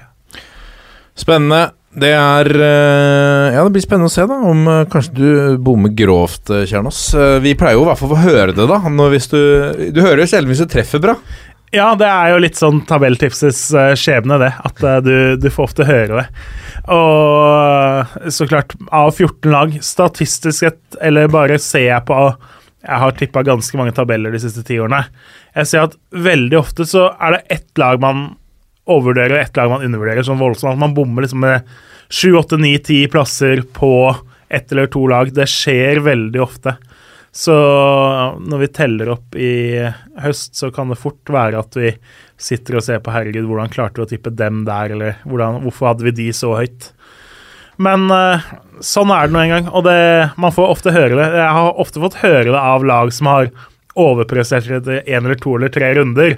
At 'hallo, tippa det oss' på nedrykk, liksom. Og så Min far er rask på Messenger-knappen. Bare, Nå får du si til Kjernås her. ja, og så For å si til ja, Kjernås. så så jeg har fått mange av de, og så taper de samme laga 15 kamper på rad etterpå og rykker ned med 8 poeng totalt. liksom. Det, Det er litt som jeg fikk melding av min far klokka 18.40 i går kveld. Hvem er det som leder Eliteserien? Da leda Sandefjord da. 3-0. eh, Er han ihuga, eller? Sandefjord? Nei, men han følger jo litt med, da, for han er derfra. ikke sant? Så Ja. det er klart at det betyr jo litt at eh, Sandefjord gjør det bra. Og det, jeg hører sjelden noe når det går dårlig. Ja. Det er som regel når de vinner eller gjør, leder serien. da Må være fornøyd, han, de siste par sesongene nå. Ja, bør jo tross alt være det. Absolutt. Vi eh, har, skal ta en prat med, med eh, midtstopperen på en av, altså en av de rutinerte, mer rutinerte herrene kanskje i denne ligaen. En ekte toppfotballvenn. Arna Førsund. øh, la oss slå på tråden. Dette er toppfotball. Arna Førsund han er på mange måter en altså, hjemvendt uh, sønn, men han er jo egentlig fra Nittedal også. Så han, uh, men, men han kom til Jeg husker godt han kom til Horten. Da stilte han opp på trening på småguttlaget med Brasil-drakt og nummer ni med Arnar bakpå. Uh, en ambisiøs herremann allerede da. Nå har han sin må være Ja, det er tredje periode i Ørn, og har ambisjonene i orden. Så får vi bare håpe at han også tar telefonen når han har sagt han skal være tilgjengelig. Hello, hello. Der har vi han, selveste toppfotballvennen Arna Førsund. Velkommen inn i denne episoden. Via, via telefon, altså. Tusen takk for det. Hvor eh, hva, hva bedriver du akkurat nå? Gjør du deg klar til eh, trening? Akkurat nå så bedriver jeg å fortære mat uh, som min vakre fru har uh, stelt i stand. Uh, jeg har fri på mandager, som den familiemannen jeg er. Hva spiser en annendivisjonsspiller på mandager? En annendivisjonsspiller på mandager er så heldig at han kommer hjem til en minestronesuppe Yes. med Var det chorizo det var? Chorizo-biter oppi og litt sånn forskjellige bønnetyper og litt sånn pastaskruer og sånn. Jeg har ikke faguttrykket på pastaskur, dessverre. Har du det på stående fot? Jeg, jeg er ikke ernærings... Fusilli? Er det fusilli? Det Er kan er være fusilli. Å, det er Det, kan, det er fusilli. Det er fusilli. Fusilli-skruer eh, og litt sånn eh, snacks. Pass. Melder pass der. Det- Er det strengt ernæringsregime i Ørn Horten? Ja, næringsregime. Altså, vi må jo eh, ta og ta de centimeterne vi kan, der vi kan, der det koster minst mulig penger. Så det er et knallhardt kostholdsregime fra kjellerbasen. Eh, det er eh, pasta hver dag. Eh, Pasta nei, hver dag? Nei, det er ikke det. Hva er det, er det, hva er den nyeste kule dietten nå? Er det 2-5? Er det 5-2? Ja, Hvordan- hva er det? Kjøre Low to faste dager. Ja, er ikke det man skal ha? To, to faste dager, og så fem dager. Spis hva du vil. Eller var det motsatt? Fem dager hvor du faster, og to Jeg husker ikke det der. er Vi, vi alternerer litt. Vi bytter litt. Dette er god podkast. Dette er god podcast. Det her er næringsfysiologi vi skulle snakke om, var det ikke? Ja, altså alle ting som spiller inn, selvfølgelig. For, eh, for Ørn er tilbake i andredivisjon, Arnar, etter eh, Altså, er det, er det syv år eller noe sånt, da? Åtte år? Det, Ja, det er ja, det er lenge. Uff. Altfor lenge. Og du er Nå er du på vei tilbake fra skade? På vei tilbake. Jeg driver og jogger og hinker litt og hopper litt og Jeg har det kjempegøy. Jeg må jo starte med eh, Jeg vet jo at du har særdeles høye ambisjoner på Ørns eh, vegne. La oss starte med Skal vi starte med å, å formidle tabelltipset her, Jørgen? Så um, Arna får komme spent. med sin reaksjon på Ja, nei. Martin ble jo så fornærma, så jeg får høre hva du sier. da En ellevteplass. Det er tre lag bak seg og fornya kontrakt, det. Ellevteplass! Ja, eller Det var like før Jørgen ble kasta ut herfra. Isa. Nei, den, jeg, du har ikke sett mye fotball det siste året, eller? Det er drøy påstand til Jørgen Kjernas. Den er drøy. Har sett feil? Har sett feil fotball? Nei, det er sjokkerende. Det er sjokkerende Nei, jeg blir eh, Nei, uff. Jeg får vondt i sjela, jeg nå. Hvorfor er tipset så feil, da, Arne? Det er riv ruskende gæli eh, på bakgrunn av at eh, vi eh, gjorde i fjor en sesong med den stallen vi hadde, som høyst sannsynlig allerede der hadde kommet eh, høyere enn en ellevteplass. mener jeg. Eh, og så har vi i tillegg gjort kanskje de tre beste signeringene som er gjort i norsk fotball eh, i år, eh, sett i eh, henhold til divisjonen man er i. Ja. Med Adrian på topp og Jørgen på bekk. og Jørgen sjøl. Ja, og så fikk vi lurt i oss han Henrik Falkner også. Ja, hva slags type er det? Eh, nei, altså Han er nesten like god som jeg var når jeg var uh, eh, 17-18 år. Så han er nesten der. Så når gamlefar sjøl kommer tilbake på banen, så kan jeg lære han et eh, triks eller to. Og så kommer han antageligvis til å gå langt foran hva jeg noensinne var. Men dere må klare dere uten uh, den nye målhungrige spissen, for han røyk med en liten smell mot Frigg nå i helga. Jeg hørte rykter om at han uh, beit på eh, et eh, godt gammelt stoppertriks. Uh, og det er jo sånn at det er jo ikke det lureste man kan gjøre. Eh, Nikka, men nikka stopperen rett ned? ut, jeg, har, jeg var ikke der, så jeg har dessverre ikke fått sett det. Ut fra rapporten jeg har hørt, så eh, kan det ha vært kontakt eh, mellom, mellom de delene over eh, nakken. Riktig. Eh, Det kan ha vært. Det kan ha vært. Jeg sier ikke at det var, jeg sier det kan ha vært. Eh, så det er, det er dumt, men eh, da vil han jo være uthvilt og i god form når eh, han er tilbake. Det er god poeng. Hvilke lag anser du som svakere eller rett rundt ørn på tabellen, Jørgen?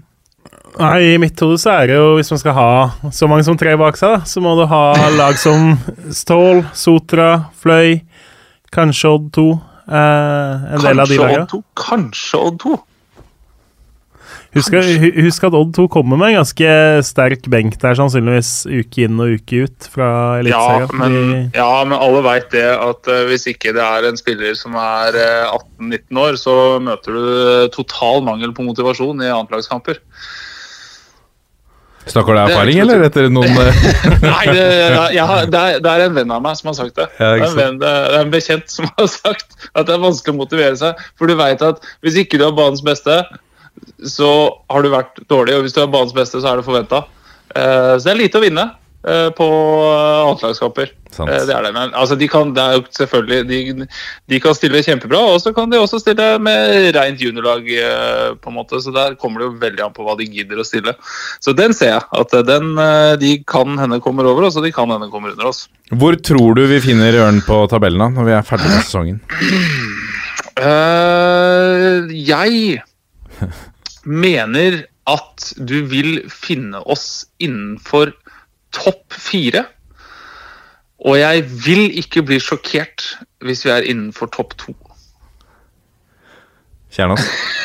Ja, nei, jeg, uten å Du får jo frisk odds på det, da. Det må jeg si. Jeg tror vi må høre at uh, noen av oss bør tenke på å fyre opp en ørn eh, øvre halvdel eller ørn topp tre-odds, kanskje. Ikke dumt. Man, får man, man får ganske raust på ørn eh, topp top to, topp tre og topp fire, det må jeg si.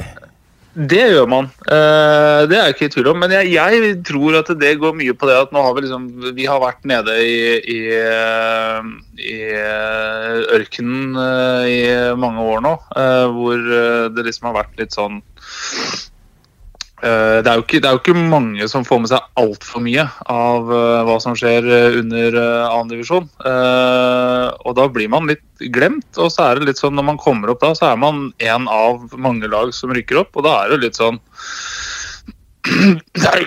du, blir jo ikke det er jo ikke alle som setter seg veldig dypt inn i hva har skjedd de siste fire åra. eh, hvem har vært der, hvem er med videre, hva, hva har de henta inn? Eh, og så ser man på resultatene i vinter, og de har jo ikke vært sjokkerende gode. Eh, det har det jo heller ikke vært. Så eh, på papiret så er det veldig lite som tilsier at vi skal være noe høyere enn en 11.-plass. Eh, den ser jeg. Men når man er litt på innsida av døra, vet du, da har man litt ekstra innsikt i dette her. Og da er det ikke tvil om at vi kommer høyere enn det. Det høres eh, lovende ut, eh, Arnar. Du vet hva jeg tenker og håper rundt akkurat det. Um, tusen takk for at du var med. Uh, Det- gå, det tilbake til, uh, gå tilbake til din kone og minestrolsuppe. Det skal jeg gjøre. Og lykke til på vei tilbake til banen. Jo, tusen takk for det. Og så justerer vi da til Jeg forventer at det i hvert fall justeres til en niende. Ha det, Arnar. Hei, Ørn. Ha det. Heia Ørn. Dette er toppfotball. Det var Arna Førsund. Eh, Aldri vært lite ambisiøs, den mannen. Ehm, vi går videre da til avdeling to, og da starter vi på toppen, eh, vel. Eh, Jørgen Kjernås, og der finner vi Der finner vi Ullkisa, tror jeg. Det, jeg er ganske sikker på at Ullkisa kommer til å bli spådd på topp av de aller, aller fleste i den avdelinga. Vi snakka jo litt om Strømmen, at vi er usikre på om de kan slå tilbake etter et nedrykk fordi det har vært så store utskiftninger. Det er klart det har vært utskiftninger hos Ullkisa også. De har mista Først og fremst har de mista noen av de beste unge spillerne, sånn som Henrik Kristiansen og Mikkel Rakneberg, som de nok gjerne skulle ha beholdt. Men også liksom Morten Sundli og Christian Aas annet har valgt å trappe ned, men de har Jeg syns de har vist eh, tydelig hvor de har tenkt å plassere seg med signeringen også. Altså, de henter Abdi Ibrahim. Det er klart, det føles veldig lenge ut siden han var på banen for Manchester City. Det har rent mye vann i den Manchester City-elva siden Abdi Ibrahim var en spiller som kom innpå for dem. Men likevel, i, selv om den karrieren har gått ikke helt uh, straka veien oppover mot stjernene, da, så er jo det en signering som i annendivisjon viser ganske tydelige ambisjoner. Henter Thomas Christoffersen fra Åsane. OK, det funka ikke helt perfekt i Åsane, men var i Sogndal før det, osv. Også legger da lista høyere enn veldig mange av konkurrentene. Hente unge, spennende spillere. Mathias Gulliksen, Mathias Sundberg, Andreas Nyhagen fra Godset. Selv om han ikke fikk så mange sjanser der, så var han vel inne på bl.a. en kamp i Molde, hvis jeg ikke husker feil, og gjorde det helt habilt eh, der for ikke veldig veldig lenge siden i fotballsammenheng.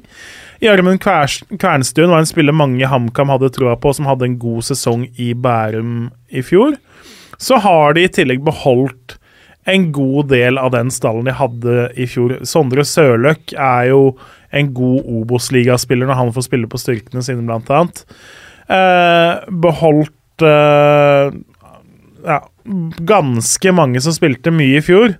Og selv om troppen kanskje er litt svakere totalt sett, så er man ganske nære å være der oppe. Man, man ser rett og slett ut som et lag som som kommer til å være i toppen. Om det, vi kan ikke sitte her og love ut opprykk. Jeg, jeg tror ikke de blir like suverene som det f.eks. Kongsvinger var i fjor.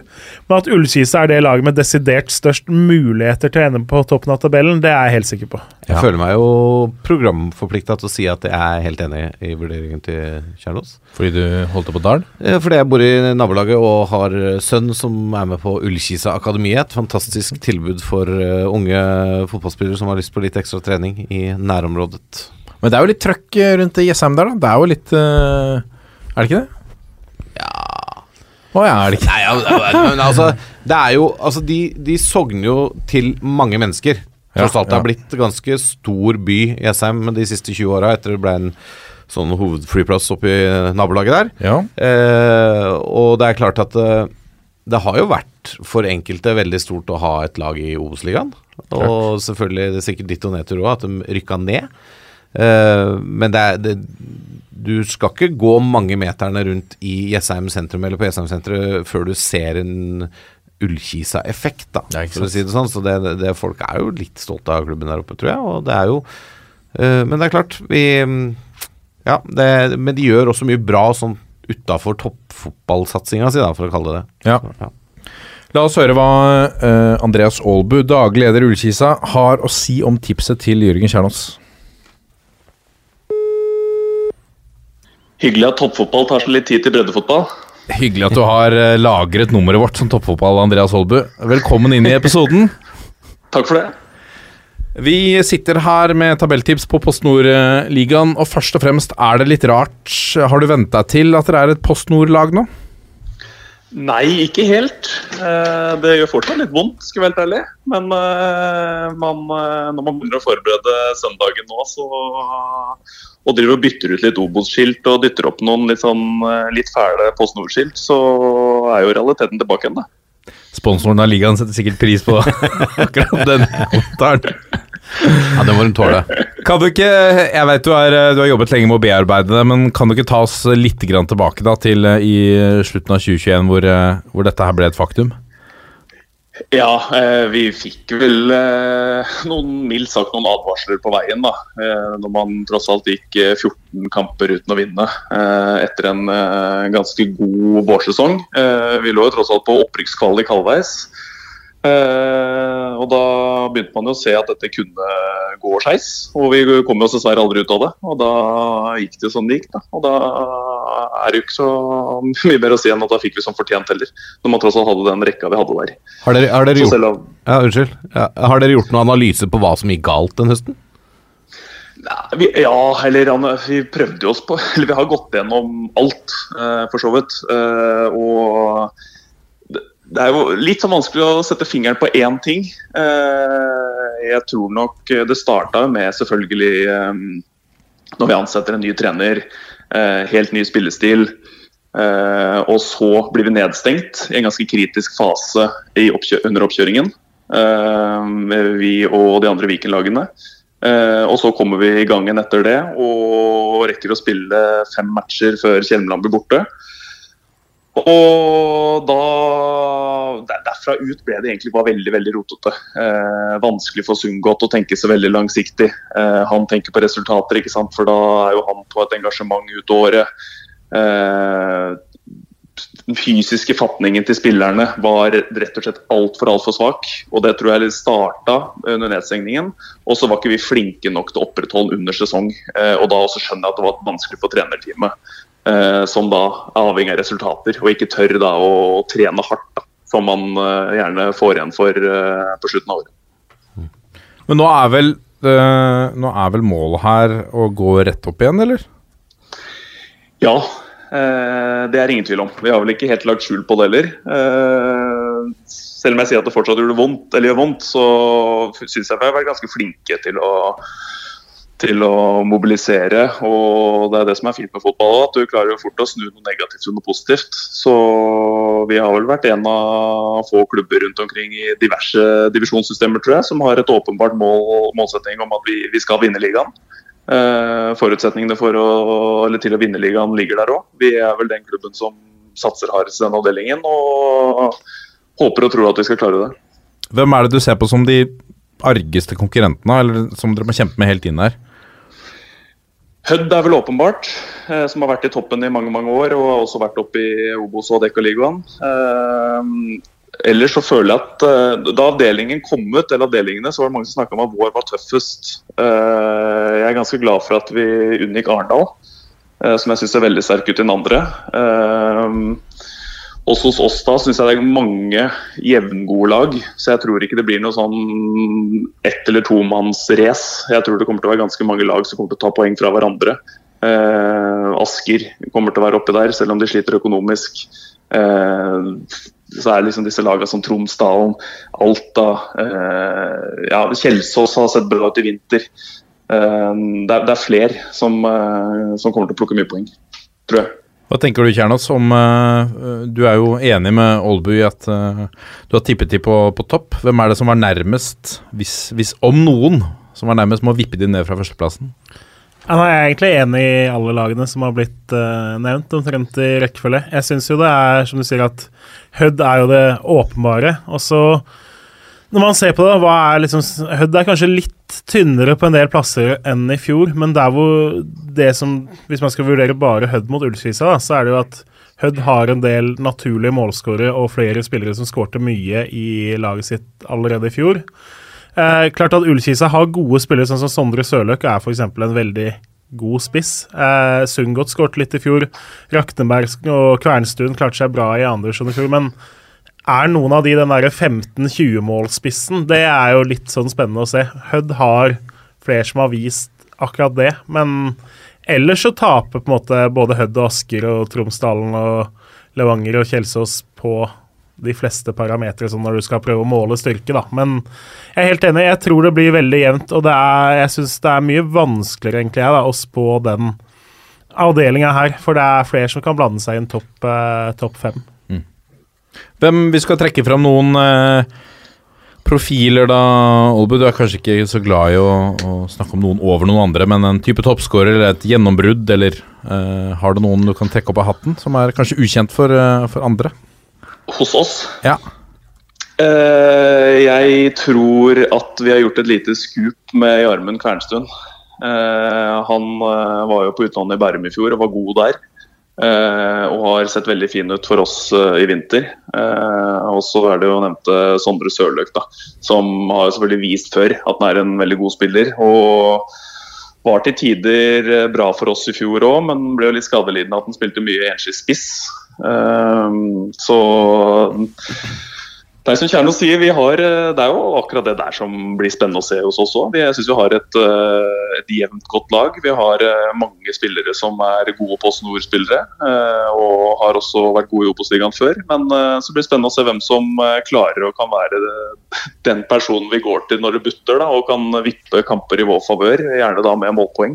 Jeg syns heller ikke det er sånn åpenbart lyser at det er en hos oss som dunker inn 20 kasser, men jeg håper at vi har en tre-fire mann som kan komme seg opp på tosifra. Og eh, hvis vi får en god start og får litt selvtillit på den gruppa der, så tror jeg vi kan eh, komme dit. Siste før vi skal la deg få nyte Skeid Stabæk, eh, som jeg vet du holder på med, Andreas. Eh, i- når du, når du, for du står selvfølgelig i spissen her også for spillelogistikk. Tenker dere førstedivisjon når du handler nå, eller er det, er det først og fremst nå å vinne serien, så tar man det andre neste år?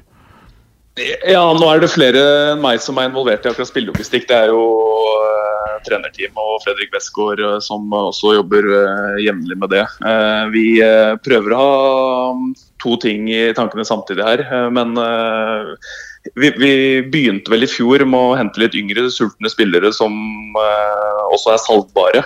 Eh, Det er grunnen til at økonomien vår er sunn nå, annet, og jeg tror også at flere andre klubber i Post Nordligaen sliter. fordi at vi har klart å selge spillere, mens eh, generell klubbdrift har vært tøft eh, i etterkant av pandemien.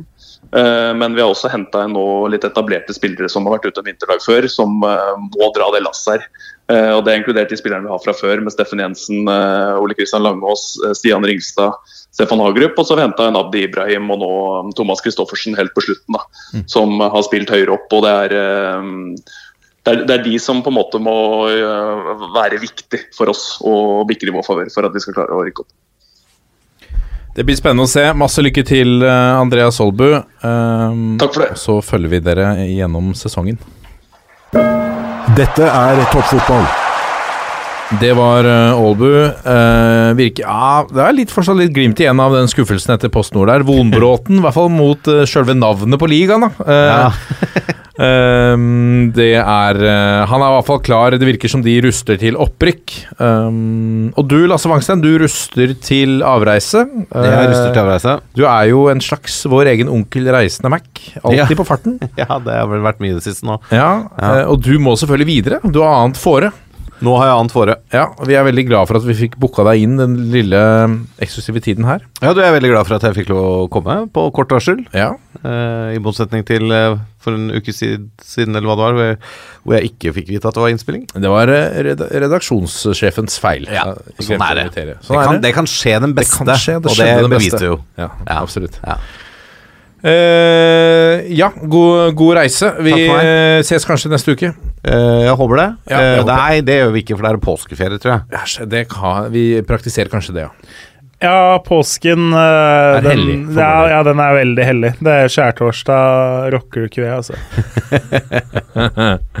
Nei, men hyggelig å se det, deres fjes, gutter. ja. Vi er en gjeng. Vi er en gjeng, ja. Ha det bra, Lasse. Ha det.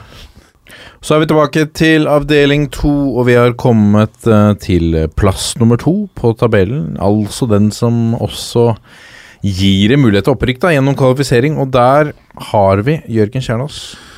Jeg tror jo Hødd er det laget som er nærmest å kunne utfordre Ullkisa denne sesongen her. Nå har de jo henta Joakim Dragsten som ny trener etter at Kevin Knappen dro til Jæren.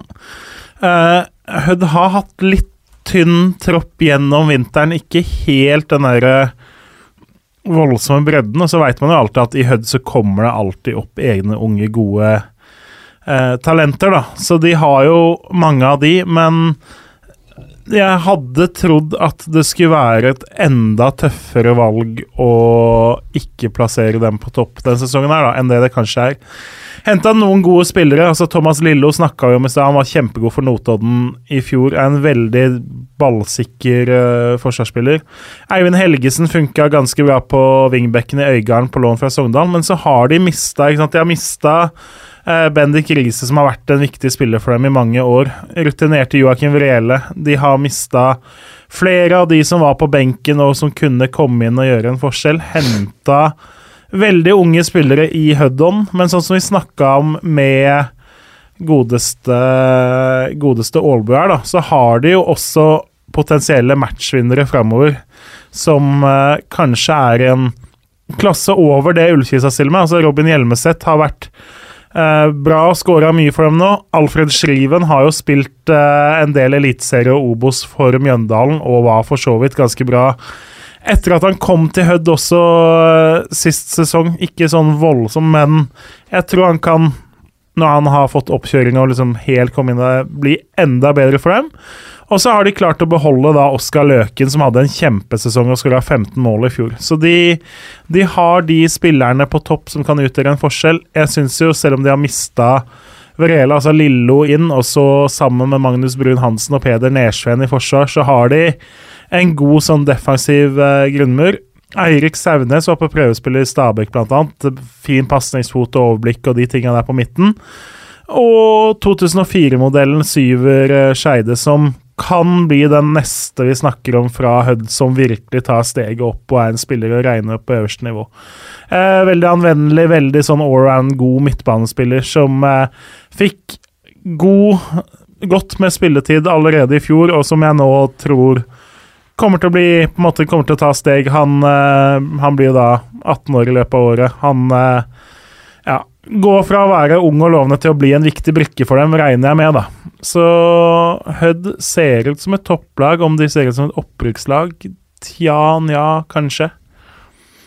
De, de har vært kjipe å spille mot under knappen. Har vært eh, ekstremt solide defensivt, ikke så vågale offensivt. Det blir spennende å se om Dragsten er litt mer eh, offensiv i tilnærminga si der da enn forgjengeren. Bra trøkk i Ulsteinvik. Mange på kamp i forhold til, i forhold til, eh, til innbyggertallet også.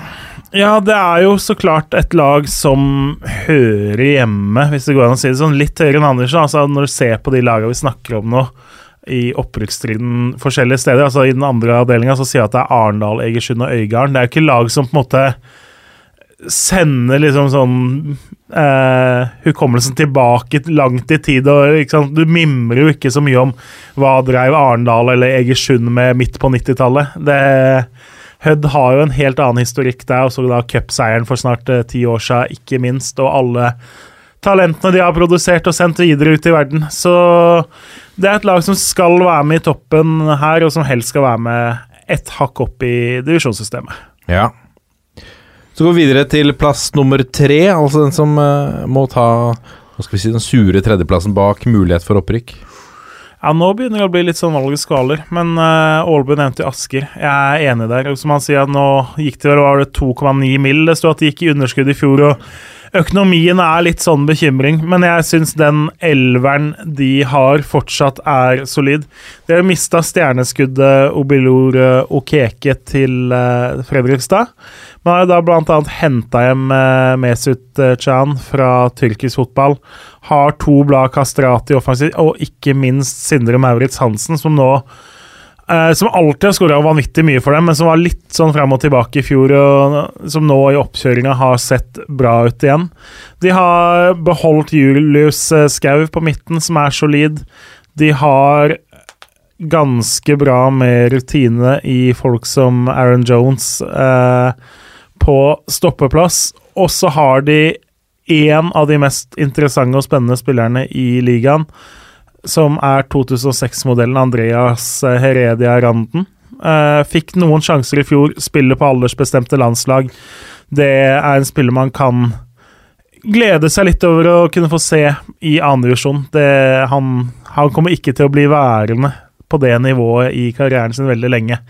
Så Vegard Skogheim har en for så vidt bra elver, ganske bra offensivt. Jeg tror Aske blir bra, men en, litt det samme som Hødd, bare i sterkere. Er det et opprykkslag? Det er jeg usikker på. De var ikke stabile nok til å være det i fjor, og da er det litt sånn merkelig om i år skal være året. Men de tok jo for så vidt Altså, De tok 49 poeng i fjor uh, i sin avdeling. Holdt bare til tredjeplass. Hadde holdt til kvalik i den andre avdelinga. De var på kvalik året før og tapte jo den mot Skeid. Så Asker er et stabilt topplag. Og så er det som sagt uh, økonomien og liksom hvor hard blir satsinga, som ikke er helt klart. Det, men, men et høyst realistisk topp tre-lag fortsatt i 2022, selv om man ikke helt veit hvor de er om to år eller fem år eller ti år. Ja, for det er vel et lag som har snakket høyere opp i, i flere år nå, og så har de liksom aldri klart å ta steget. Det er klart, De har jo denne kombinasjonen at de har kanskje ikke fått opp nok unge spillere de siste åra fra ene rekke at det har blitt for mye spillere som hentes fra Oslo og som er der et år eller to. da. Eh, nå har man jo man, altså Aske favner jo bredt, og man har masse småklubber som lever, kan levere spill, men Uh, nå får de opp Heredia Randen, og de har fått opp Philip Fredhall, som spilte en del i fjor og kommer til å spille eh, kanskje enda mer. og de, de, begynner å få i gang noen av de. Det har ikke vært så mange av de der egenproduserte siste fire-fem åra som har spilt veldig mye, da. Mm. Så det er jo det som mangler målt opp mot Hødd, f.eks., som alltid tryller fram to-tre spillere som bare går rett inn i elveren, selv om de er tolv år gamle. ja. Plass nummer uh, fire. Ja, nå, nå, begynner det å bli vanskelig, syns jeg. Jeg har egentlig fire, fem og seks litt sånn i en haug, hvis det er lov. Eh, vi kan godt ta dem i en rekkefølge. Da har jeg, jeg har Tromsdalen, jeg har Kjelsås, og jeg har Levanger. Og så har jeg Asker. Ja, da har vi eh, Nei, Alta, mener jeg.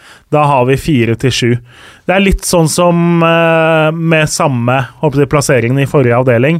Det er gode lag, det er gode elvere, det er mye rutinerte spillere, men det er, liksom, det er litt ustabilt. Det er noen plasser som ikke helt er sterke nok. Man har uh, kanskje ikke bredden, kanskje ikke helt kvaliteten til å henge med topp tre inn over 26 kamper, men man har mulighet til å henge med lenge. Og så kommer det jo et sommervindu, og det er muligheter for at spillere som man ikke regner med plutselig er kjempegod. Det skjer jo hvert eneste år. Altså, hvis noen hadde sagt at Abel Stensrud, Obelor Okeke og Sigurd Grønli hadde vært de tre desidert heiteste spillerne i uh, andre divisjon i fjor, så all, all ære til alle som spådde det. For det Grønli kom jo ikke fra intet, men han hadde jo en karrierekurve som pekte veldig nedover. Fikk det ikke til i Grorud, fikk ikke sjansen i Tromsø osv. Eh, kjempesesong i Tromsdalen og nå tilbake i Bryne. Okeke kommer fra juniorfotball og bare rett inn på U-landslag og rett til Fredrikstad etter et halvt år omtrent i Asker. Mens Stensrud kan ha skåra bra for Skeid i fjerdedivisjon og på juniornivå. Hvis du hadde spådd han som toppskårer i fjor, eller at han hadde skåra tosifra i fjor Og det er jo bare tilfeldigheten med at Budusson ble skada, som gjorde at han faktisk fikk sjansen. Han fikk sjansen, ikke bare var innbytter. Så det er mye tilfeldigheter og sånne ting, og det kan jo skje i de lagene her òg. Jeg syns jo Levanger har for så vidt De har mista litt i uh, løpet av uh, vinteren. Altså de, ikke minst har de mista Arne Gunnes, som jo var toppskårer for dem i fjor. Rogull uh, til ditt lag, og e- Emanuel Vladic til Kolstad. Så de har mista tre av fire spisser. De skårte jo helt vanvittig vanvittig mye mål i fjor. Mens nå så har de da, som sagt mista litt av det, selv om Haidari og Sanel Bojajic fra Fram kommer inn. De har henta et par spennende unggutter. Altså Theo Aksnes Olsen er 16 år, henta fra Verdal. En spiller som de har forventninger til der. Markus Rekdal kommer da fra ja. tysk fotball. Eh, Flytta til Trøndelag. Så har de henta to gode keepere, egentlig. Altså Både Sebastian Heggeland og Erlend Henriksen spilte fast i andre divisjon i fjor. Så de har dobbel dekning der. Men igjen, Sandra Komar var god for dem. Til, går til Stjørdalsblink osv. Jeg tror de er litt svekka. Jeg tror de skal få slite med å helt på en måte utfordre de beste. De svingte jo voldsomt i fjor. De vant jo blant annet vant jo 8-0 over Øygarden tidlig i sesongen og hadde Det var vel omtrent målgaranti. Når jeg, jeg må inn og sjekke altså Det var helt Skal vi se Levanger 65 skåra mål og 41 baklengs. Det var ikke kjedelig å se Levanger i fjor. Jeg tror det blir litt roligere på den fronten i år. Uh, og så hadde vi Alta, som vi snakka om. De uh, har jo da bl.a. mista Gamsten. De har fortsatt et veldig gammelt og rutinert mannskap.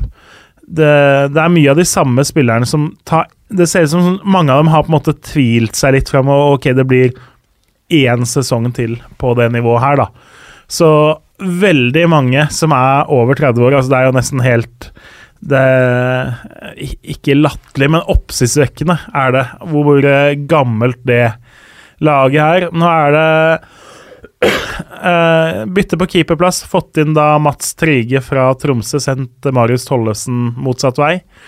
Og i tillegg til Gamsten så har da Omar Fonstad gått til Hønefoss. Men det er mye av de gamle gutta. Og så er det to jeg vil trekke fram der likevel, som blant alle 30 plussåringene så har du en midtstopper i Tobias Nordby som er spennende, og ikke minst kantspiller Peder Brekke.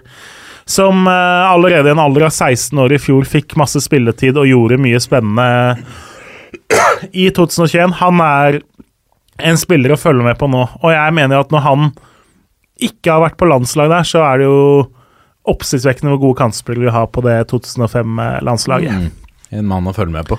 Ja, definitivt. Han er ikke Han er lav, Uh, men det er jo Han, han tar en, Han er kvikk, han ser uredd ut. Han har allerede fått masse erfaring. Jeg tror det Det er jo litt sånn typisk at de kjempestore talentene i Alta, de havner jo i Tromsø når tiden er moden. Og kan minne, uten å legge for mye press på en nylig følt 17-åring, noen sånne trekk som gjør at uh, hvis vi går to år fram i tid, så er det ikke helt umulig at August Mikkelsen er solgt fra Tromsø, og at Peder Brekke hentes fra Alta og potensielt kan ta og fylle den rollen. Det, det, går i hvert fall an å se for seg som et uh, mulig framtidsscenario. Ja, for det er klubben, kanskje klubben i nord der som opplever har best koll på Alta og Altså nordnorske klubber har best koll på Nord-Norge, eller? Det blir jo litt sånn feil å si at det er kort til Tromsø, for det er ganske mange timer, men uh, Jeg sa ikke det, kort. Nei men, nei, men, dette var min tankerekke. Eh, at det er jo nærmere for Tromsø å se på Alta-talenter enn det det er for Molde eller Ålesund eller Stabæk. Så, så, ja, det hender jo ofte at det det å eventuelt skulle dra til Tromsø og starte på NTG og bli en del av TIL, det er et Selv om det er mange mil og mange timer hjemmefra, så er det fortsatt Føles det mer hjemme ut da, enn Ja. å som sagt flytte til Stabæk eller Lillestrøm isteden. Så Korrekt. det var den gjengen. Da vi hadde vel noe Hvem var det? Jo, Kjelsås. Kjelsås har jo vært litt underlig, egentlig ganske mange år på rad, fordi de har gjort mye bra spillmessig, og så har de rett og slett slitt med å vinne fotballkamper eh, til tross for det. Jeg er sikker på at når du begynner å gå veldig inn i sånne expected goals-tabeller og sånn, så har de scora ganske høyt. De ble jo nummer tre i 2019, og så ble de helt nede på 11.-plass i 2020 da ingen rykka ned uansett. Og så endte de på en niendeplass i fjor. Det var til slutt så var det seks poeng eh, ned til Nerik, men de, de var med i den striden altfor lenge. Eh, det som redda dem på mange måter, var jo at i tillegg til keeper Emil Fiskvik, så henta de da hjem Ole Erik Midtskogen halvveis i sesongen. Han skårte 11 mål på 17 kamper for dem. Han var akkurat den spilleren de mangla i 2020 og halve 2021. Altså, enorm fysikk, råsterk inn i boksen. De har to kjempespennende kantspillere. altså Ja Peinsil på høyre og Jakob Hanstad på venstre er to av de mest spennende kantspillerne du finner i hele divisjonen. Jeg tror begge av de kommer til å spille høyere opp i løpet av kort tid. De mangla liksom en å slå disse innleggene sine på som kunne vinne duellen og gjøre noe med de mulighetene. da. Det har de i Hanstad nå, og det er forskjellen fra at Kjelsås er sånn, en ny niendeplass til en liten outsider i toppen. Så er det et minus at Jesper Solli, som jo for de som følger andredivisjon, kanskje har vært den beste spilleren de fem siste årene totalt sett. Kjempegod på midten for dem. Han har jo nå sannsynligvis gitt seg. Eh, Han er fortsatt Kjelsås-spiller, men han jakta jo da en klubb som trente på dagtid. For han hele kabalen med jobb, trening et, på ettermiddagen, familie og så videre. Det er jo mange som kommer til det punktet at det blir for mye. Han er vel 7-28 år nå. Eh, veldig typisk alder at mange når det der. Du har fått din første unge, du har gått fra å være student til å ha jobb, du har gått fra kjæreste til å ha samboer som du har den. ikke sant? Da blir den kabalen med å skulle trene klokka halv fem i tillegg til alt annet, det blir for tøft. Og når du begynner å regne på det og finne ut at de penga du får, det er på en måte et minuspoeng, eller minusprosjekt, da, i eh, eh, hele greia. Så han ser ut som han er tapt. Det er klart det er et tap for dem, men Kjelsås er likevel en outsider oppe i toppen, syns jeg, da. Jeg tror de, de bør i hvert fall komme seg vekk fra nedrykksstreken. Du Det- tror en syvendeplass? Ja, altså nå nedi den Jeg hadde vel Alta bak, hadde jeg ikke det? Sier seks Kjelsås, syv Alta. Ja. Alta har jo vært med mye opp i toppen, men det er noe med det derre at ja, Jeg vet ikke. Litt flere ut enn inn. Eh, litt for gammelt lag til at kanskje helt sulten er der, sånn som den er hos noen av de andre. Det, men fortsatt bra. Bra annendivisjonsnivå og vanskelig å spille mot inn i den hallen deres, er de alltid. Ja. Da begynner vi å nærme oss nedre halvdel, gjør vi ikke det? Det stemmer. Plass nummer åtte. Ja, jeg har egentlig jeg holdt på å si åtte og ni, så har jeg Brattvåg og Eidsvoll-turen.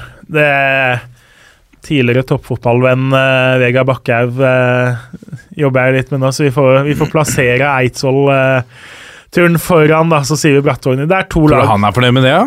Jeg tror Eidsvoll er nøkterne nok til at de veit at man mangler budsjetter og på en måte kvalitet til å kjempe om opprykk, men at eh, klarer man å komme seg i behagelig avstand fra streken og gjøre en, en midt på tabellen-sesong, så tror jeg man er brukbart fornøyd med det. Eh, ikke så store forandringer der. De har jo slitt voldsomt med sykdom, bl.a. med korona og litt sånn skade gjennom vinteren. Hvis du så de tidligste lagoppstillingene til Eidsvoll-turen i eh, oppkjøringskampene, så skal du være veldig Eidsvoll-turen-fan for å gjenkjenne store deler av troppen. Og ikke engang det var nok, for det var mye lånespillere og juniorer og ja, en, en haug av spillere som det ikke var så lett å dra kjennelse på. Uh, har jeg da henta Andreas Wedler fra Kongsvinger, styrka på keeperplass med det. Edin Øy fra Ullkisa, ikke fått det til der, men har vist i Sogndal tidligere at han er spennende. Og 16-årige Petter Hogstad, som vel har både Altså mange i familien, han som har spilt i klubben tidligere, annet, han kommer på lån og ser veldig lovende ut. Etter at han ble skada, men litt sånn ekkel sånn skade her tidlig i oppkjøringa, og kommet tilbake fra den. Så samme Brattvåg. Brattvåg masse offensivt å bjuda på. Har Emil Dale som er kanskje ny... I hvert fall nå som Gamsten er borte, så er Emil Dale den nydeligste sånn ballspillfyreren. altså jeg kan ikke kalle det Pirlo, men den rollen at ok, du skal spille dypt på midten, og absolutt alt skal innom deg. Ja. Det er omtrent ikke lov å eh, ha ballen i laget uten at den skal til Emil Dale veldig, veldig veldig fort. Det er gøy å se på sånne spillere, syns jeg. Og så henter Dirigenter. ja, og så henter det altså nå, Håkon Leine har jo da vært først i Raufoss, det gikk helt middels.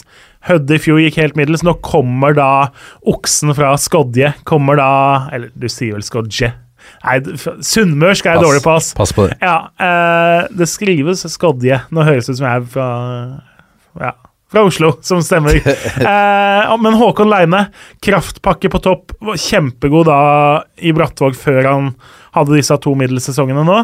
Å få han tilbake kan være den brikka de mangler offensivt. Jeg syns de Brattvåg i alle de siste sesongene har vært et sånn veldig typisk andredivisjonslag med bra høyeste nivå, lavt laveste nivå, veldig ujevne, svinger mye fra helg til helg.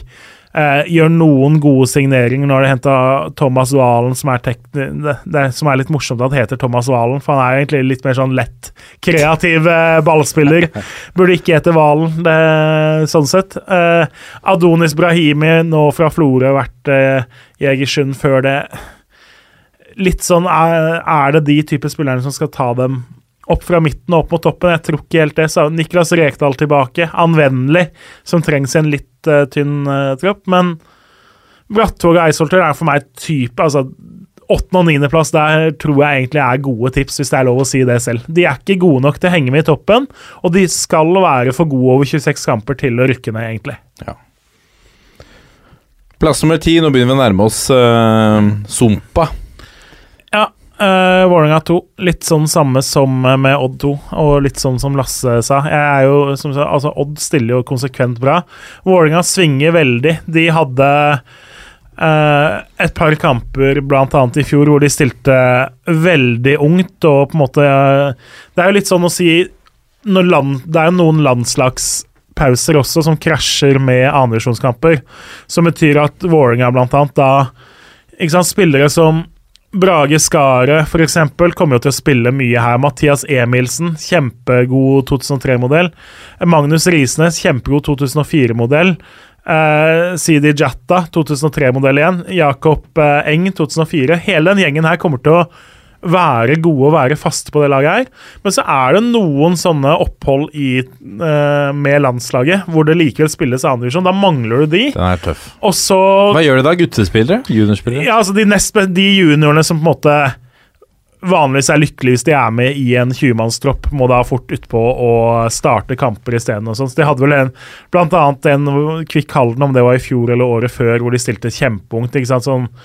Så Vålerenga svinger litt sånn, men uten at de Ikke sånn at de ikke gidder. De, de, det er ikke sånn nei, i dag gidder vi ikke sende spillerne, men er de på landslagssamling eh, på Marbella, så er det vanskelig å sende dem til Halden samtidig. Tross alt. Eh, så har jo ellers altså, Den A-stallen har jo noen gode, kjente navn på benken også, eh, som betyr at du vil jo sannsynligvis få se f.eks. Henrik Udal, en annen toppfotballfavoritt fra langt tilbake. Sannsynlig så vil han være med ganske mange ganger av de 26 kampene denne sesongen her. Eh, Ishmael er jo fortsatt ikke i elveren. Du har jo f.eks.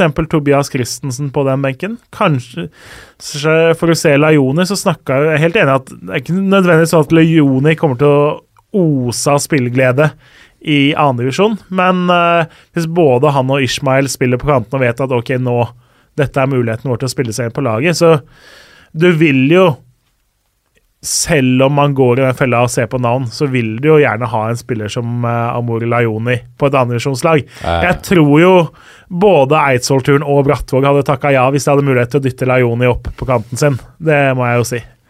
Så nei, jeg tror Vålerenga gjør nok til å berge. Jeg tror de har gode nok 17-18-19-åringer til at de skal klare den oppgaven også i år. Spennende.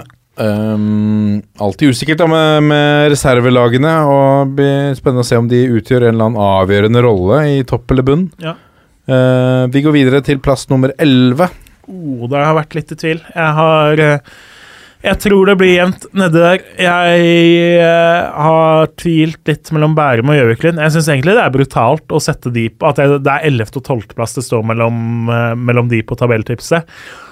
Det syns jeg viser litt av hvor tøft det faktisk har blitt i andre divisjon. For det er lag som jeg jeg si, Egentlig så ville jeg ha plassert de på sånn type 8., 9., 10. plass, men noen, noen må ende tredje sist, og noen må ende fjerde sist også. Så du kan ikke plassere dem på åttendeplass når du allerede har ti lag foran på tabelltipset. Det er noe med det. Eh, Bærum had, har jo hatt et par sesonger nå hvor det har vært veldig nære på.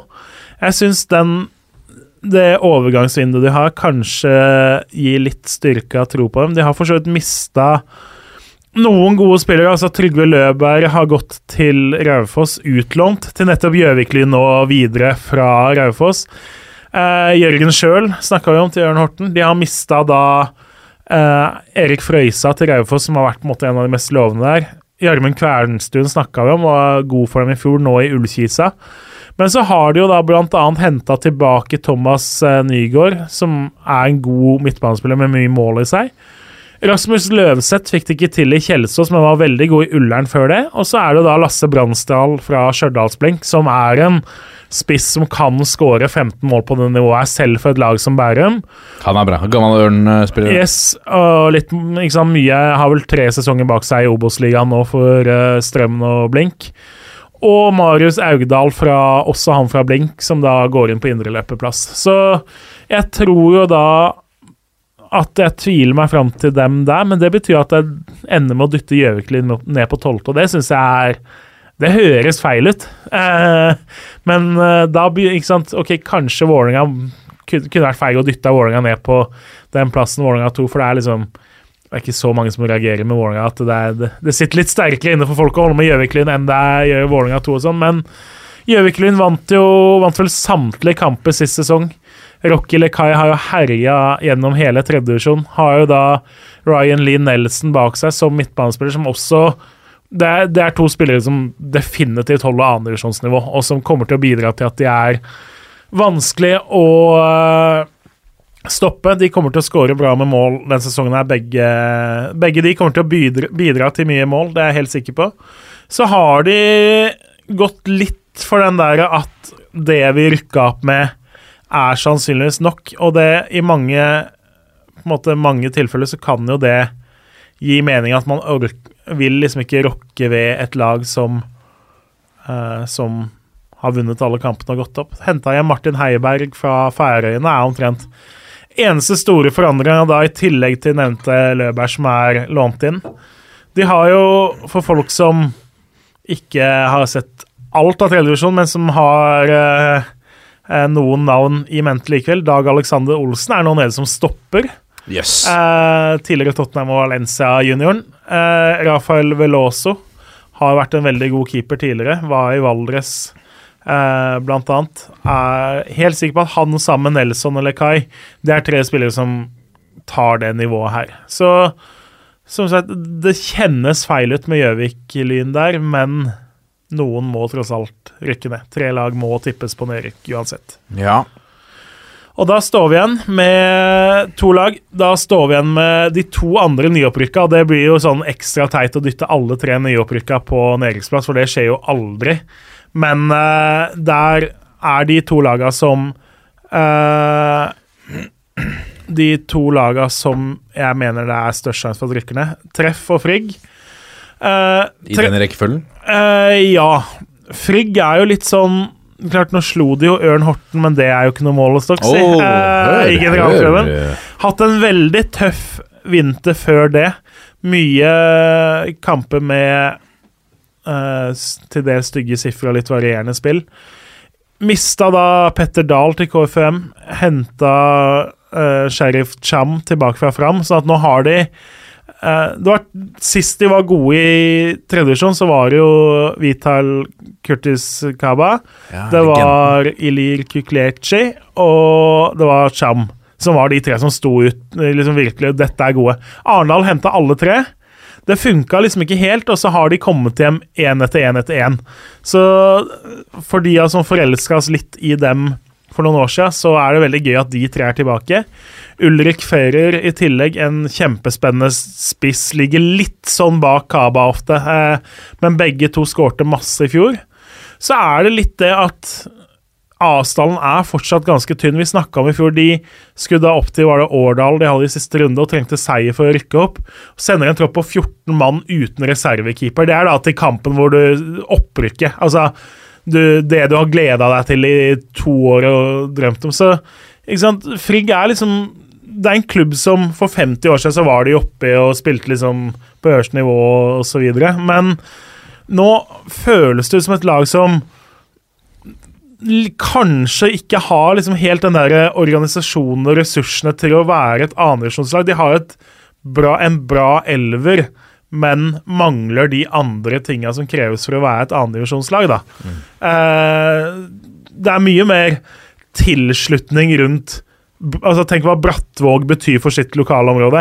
Jeg tror ikke Frigg betyr like mye for uh, Marienlyst og Majorstua-området som det Brattvåg gjør. De har alltid hatt noen sånne iuga supportere som står på sidelinja. ja, da, liksom, men det er, det er en sånn bitte liten kjerne som, som har Frigg i hjertet, og som klubben betyr endelig mye for.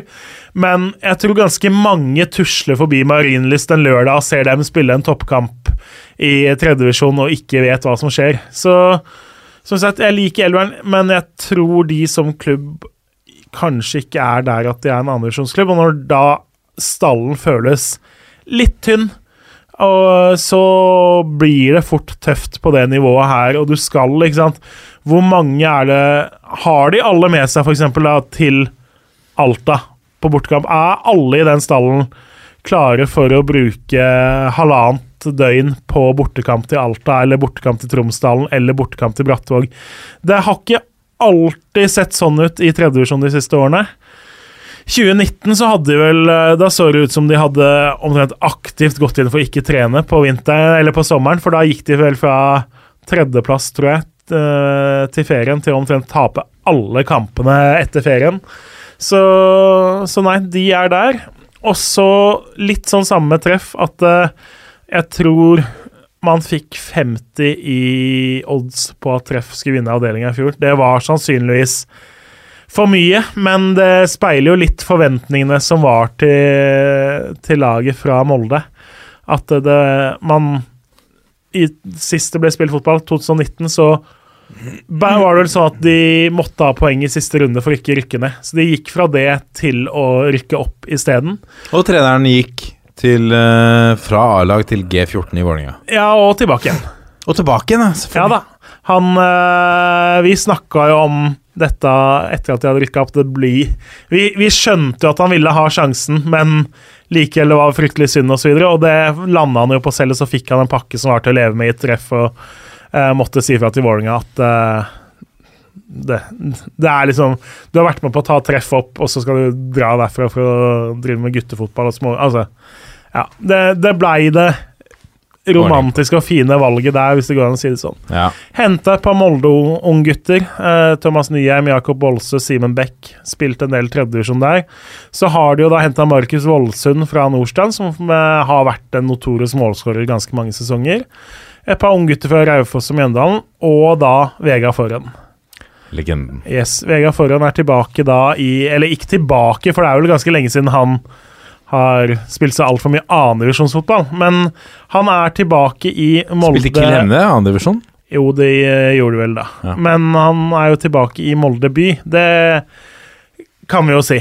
Ja. Så Det Ja, nei, treff. Jeg Det er litt sånn kjedelig på det, men litt sånn samme som med Stål. At det er fryktelig kjedelig å tippe dem ned. Men eh, du ser et lag hvor det er ganske få som har spilt annenvisjon. Det er en liten klubb på det nivået her i forhold til liksom ressurser og erfaring og osv. fra andredivisjon. Det er noen spennende spillere, og de fikk til et bra lag i fjor som eh, ikke feide gjennom, men som var gode, i hvert fall i sin tredjevisjonsavdeling. Så det, det er langt fra sjanseløst, men jeg tror jo da sånn at disse sånn som Kjørsvik annet på topp skårte masse og var gode i fjor. Eh, veldig spent på å se om kan de være det samme i andredivisjon. Jeg tror totalen så lander man på den litt feige at nei, det, det ser ut som et tredjedivisjonslag som skal prøve seg i andredivisjon, eh, egentlig. Ja, det går ikke Og så er det igjen der De, de 26 kamper. veit at de kommer til å tippes ned, alle. Du, du har på en måte ingenting å tape, du har alt å vinne. Det er en bonus for dem å være i andredivisjon. De eh, Klarer de å ha tre lag bak seg, så er det strålende for dem. Og det er egentlig et fint utgangspunkt å ha for mange lag en sesong, tenker jeg, da. Mm. Det er bedre enn å føle at i år så skal du gjøre det dritbra, og så starter du med tre tap, og så er alt krise.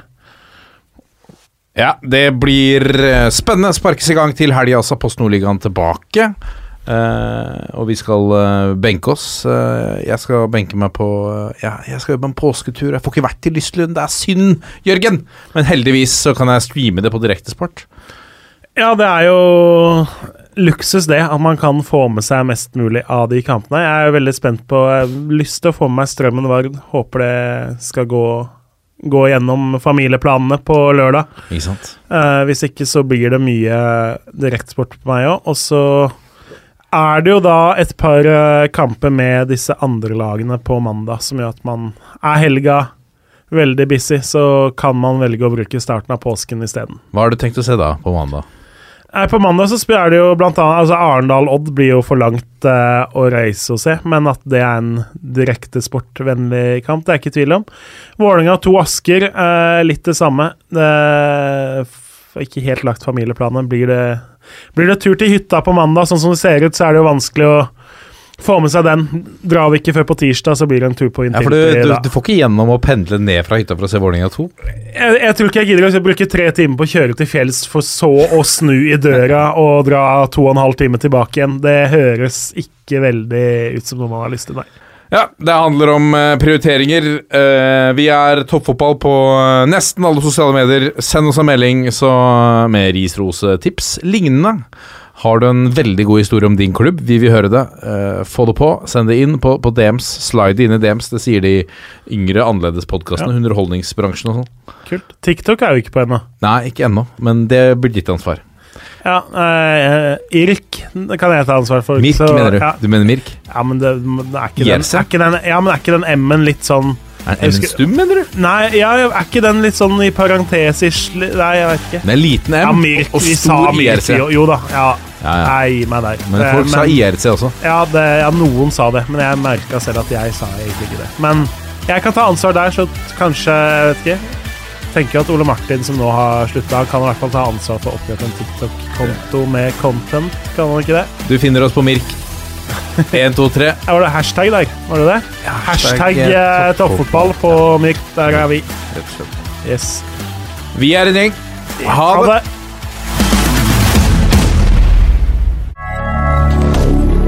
Moderne media.